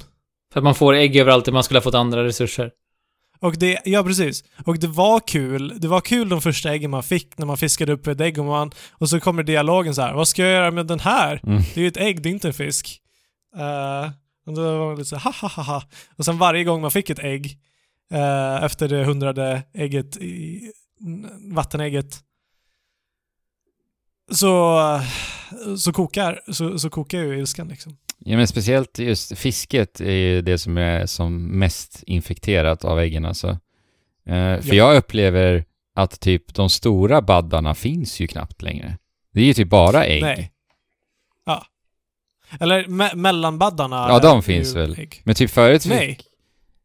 De, det är bara ägg. För mig är Jo, jo, men typ jag, alltid ägg. jag får ju aldrig den här blast from the past-fisken längre. Jag får ju aldrig, Ja, nej. aldrig tonfisk. Jag får Nej, nästan precis. aldrig red snappers eller någonting. Så att en del som var ändå så en ganska stor inkomstkälla försv- Precis. försvann ju typ nu med Bunny Dale. Och jag hade CJ Precis. över häromdagen. Den här bävern som man kan sälja fisk till dubbla priset eller vad det är. Va? Aldrig stött på honom. Okej, ja det kommer. Du ser Fabian. Inte jag heller. Spoiler! Överraskningarna är klara kvar. Ja, nej men så... men, ja, och bland det värsta är att liksom ute på, eh, u- ute på bryggan, uppe vid stenarna, där är det sällan fiskar och när det är en fisk där så Så är det väl är en fisk där, så brukar det vara vanligtvis någonting som är lite mer ovanligt. Mm. Det behöver inte vara det, men det verkar vara lite större chans där. Mm. eh, på, på de ovanliga ställena. Nu är det alltid en fisk där, men det är alltid ett ägg. ja. Men det, det är märkligt för jag förstår liksom eh, grejen med att eh, det, det släpps så pass nära påsk så det kommer att vara ett påskevent. Men Ja. varför inte köra det typ tre dagar? Ja. Eller fyra dagar? Precis. Istället för tolv? Men de vill ju eller- att alla ska kunna spela och Ja. alla kan inte spela varje dag. Nej. Ja, men i alla fall en vecka hade känts Ja, rimligt. Två precis. veckor känns Jo, otroligt långt. eh, Just att, eh, eh, som vi säger också, precis i början av spelet. För jag menar, hade det här kommit två månader in i spelets livscykel så hade det inte alls varit samma sak. Nej. Men, Nej, precis. men eftersom att eh, det blockerar ens progression till viss del så har det varit den här egg-outragen. Men det är ändå härligt. Ägggate. Ägg. ja, det var en excellent update som har kommit idag i alla fall då. Mm. Om de nu ändrar, ändrar på ägg uppdyk... Frekvensen. Frekvensen, precis. Men eh, ska vi göra så att vi lämnar ön för denna gång? Det gör vi. Och Ska vi? oroa er inte för att vi kommer att återvända till Det- våra det lät- andra Vi har liv. inte ens pratat Det lät om... som du hade med. Ja men typ, jag tänker på sakura b- blom, blommandet som kommer. Ja, okej, snabbt då. Vi måste landa, vi måste... Ja, det visade sig att det inte var cherry blossoms, utan det var ju hardwood. Alltså det är Blossom. helt, helt sjukt. ja, det är lite konstigt faktiskt. Jag är fortfarande arg när jag går förbi mina, mina cherryplantage, mitt cherryplantage. Alltså min, min sambos ö heter ju Sakura. Den är liksom Ja. utnämnd ut efter detta. Och hon hade ju Mm. förberett i dagar inför att eh, det skulle komma till Cherry Blossom. Och sen, Mm. och sen alltså hon var, jag har typ aldrig sett henne så arg alltså. Hon var så arg. För allt hon hade förberett bara var förgäves. Allt jobb. Ja. Och hon hade ju också tagit bort alla de här hardwoods med de som faktiskt blommar. Ja. Så, för att, för att reparera skadan så var hon tvungen att åka till, till Mystery Islands för att gräva upp Hardwood. hardwood-träd ja. Ja, vilken och röra. plant- återplantera dem. Jäklar. Vilket arbete. Mm. Ja, vi måste landa det här skeppet nu. Ja, alltså det blev ju lite så här... eh, mycket, Eh. Kritiktåg här mot spelet, men... Ja, förra, förra gången var det ett kärlekståg, så det kanske väger upp ja lite. Men exakt. jag tror ändå att vi, vi fortsatt njuter av vår tillvaro på öarna. Ja, eh, för de som lyssnar, de ska ju vara medvetna om att det är ett sånt, att spelet är så här också. Mm. Eh, för de som ännu inte har, eh, har, har köpt sitt Island Getaway Package. Ja. Eh, det är ett omständigt spel, men det är också ett av världens mest charmiga spel. Verkligen. Alltså när jag spelar Animal Crossing, New Horizons, alltså det spelet ger mig en så himla härlig känsla av så här bekymmerslös kreativitet. Jag bara gör någonting som jag i stunden så här känner att ja, men det här tycker jag verkligen om att göra. Jag blir tillfredsställd av det. Men sen så här, när jag tittar på det efterhand så kanske det inte alls, liksom, alltså resultatet kanske inte är fantastiskt. Men där och då så fann jag så mycket härlig tillfredsställelse utav det på något sätt. Om ni förstår vad jag menar. och det, det är ju överlag också i de här tiderna som vi är i nu, att Ja. mycket av det, känslan som man får när man spelar spelet är ju Eh, alltså det är ju det här med resan. Resan är ju grejen i spelet, inte, så, inte alltid målet utan Nej. snarare... Exakt. Eh, så att... eh, och jag menar, man- alla är glada ändå. Grannarna säger att det var fantastiskt det jag gjorde också liksom. Mm. Det är så härligt liksom. När man finner den zonen så är det ju då också så att tiden bara flyger iväg. Alltså det, ibland kan du så här titta på klockan fem timmar senare och jag har Mm. typ gjort en liten asiatisk ö jag håller på med exempelvis. ja. Och, och som, som vi pratade om förra veckan, det är ju också Zeitgeisten är ju total. Jag menar, jag har aldrig någonsin, tror jag, eh, sett ett sånt här nischat spel som det ändå är. Om man Mm. jämför med typ så här, men GTA 5 och sånt såklart pratas det enormt mycket om när det släpps. Men, men ett sånt nischat spel som det här ändå är. Eh, bara överallt, hela tiden. Eh, det, det pratas om nästan ingenting annat Ja, i, på Twitter nej. till exempel eh, än Animal Crossing. Och det är just det här, så många sitter i karantän runt om i världen. Man går ut på sin härliga, eh, fria, friska luft i, på Exakt. ön. Mm. Och man får hejarop av sina grannar och man får liksom eh, inreda sitt hem. Och Interagera det, med sina kompisar. Mm, Ja. Precis, ja exakt. Det är en social företeelse. Så att det är verkligen så här. Jag har nog aldrig sett en, ett spel få den här funktionen så som Animal Crossing New Horizons har just nu i världen. Det är Nej. fascinerande att följa i realtid. Ja, det är det Det verkligen. var ju en på vår Discord som anordnade ett födelsedagskalas ju också Just det. i veckan här. Och det var ju jättebra uppstyrt. Så då bjöd han in alla Mm. på vår Animal Crossing-kanal där. Det var ju fullt hus, åtta personer. Det var till och med folk som stod på kö att komma in också. Mm. Fick han lite presenter, han bjöd på tå. Alltså det var så härligt och mysigt och bra uppstyrt alltså. Ja, jag har sett bröllop som gav stapeln i Animal Crossing för att det har blivit inställt IRL och det finns ju liksom Mm. så oerhört mycket saker som spiller över i, i spelet nu Mm. från verkligheten. Verkligen. Och det är alltså som sagt, det är ju det bästa, den mest bäst timade releasen i, i världshistorien kanske. Har ni gått in i Nux Cranny 10 minuter innan stängning? Nej, Ja, jag gjorde det bara för att du tipsade. Visst är det vackert ändå? Det är lite sorgligt också. Man, så här, man vill inte att de ska stänga. Lite så känns musiken. Ja. Men jag, har också, jag har också märkt att... eh, Men bara den detaljen, de har stängningsmusik. Hallå? Det är ju Ja, underbart. nej, men det är helt fantastiskt. A- Able Fantastiskt. Sisters har det också, men den är inte lika bra. Ja, förlåt. Jag avbröt dig Jesper. Du skulle säga. Nej, jag skulle säga att jag har märkt också att även om de har stängt så om man loggar in, man säljer ju grejer i deras brevlådor. Mm. Ja. Loggar man in efter klockan 10 då nästa dag, första gången. Eh, för då, då ska klockan 10 Ja, på just kvällen. Då ringer ändå Timmy eller Tommy och säger så här, ja, eh, nu får du pengarna in på bankkontot här för, eh, för det du sålde igår. Eh, Så att man kan ju, de är ju aldrig lediga. Alltså även om de stänger butiken så är de fortfarande på jour hela tiden. Att de ringer upp alla som har sålt grejer i deras butik. Och bara, "Ja, jag skulle bara säga Ja. att du får pengar på kontot nu. Och sen Tom Nook sover ju aldrig heller, så man undrar ju liksom vad, vad de här går på, de här tvättbjörnarna. Pengaångor. Pengaångor. Har ni sett att de har ju lite olika animationer när man kliver in i Town Hall också? Ibland står de ju och Mm. har lite Jo, yogaövningar och liknande. Underbar musik. Ja! Jag vill bara nämna det. Absolut sista grejen nu. Vi ska avsluta.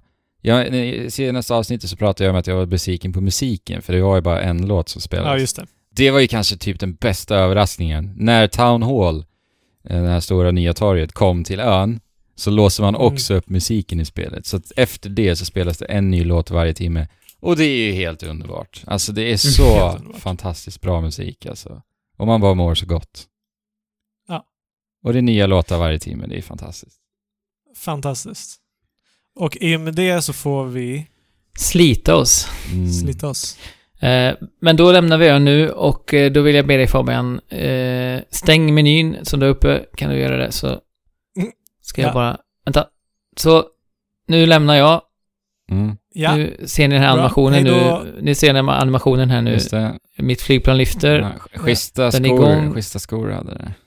Tack. Snart. Nu, är jag, nu får du lämna Andrew istället då. Ja, Okej, hej då.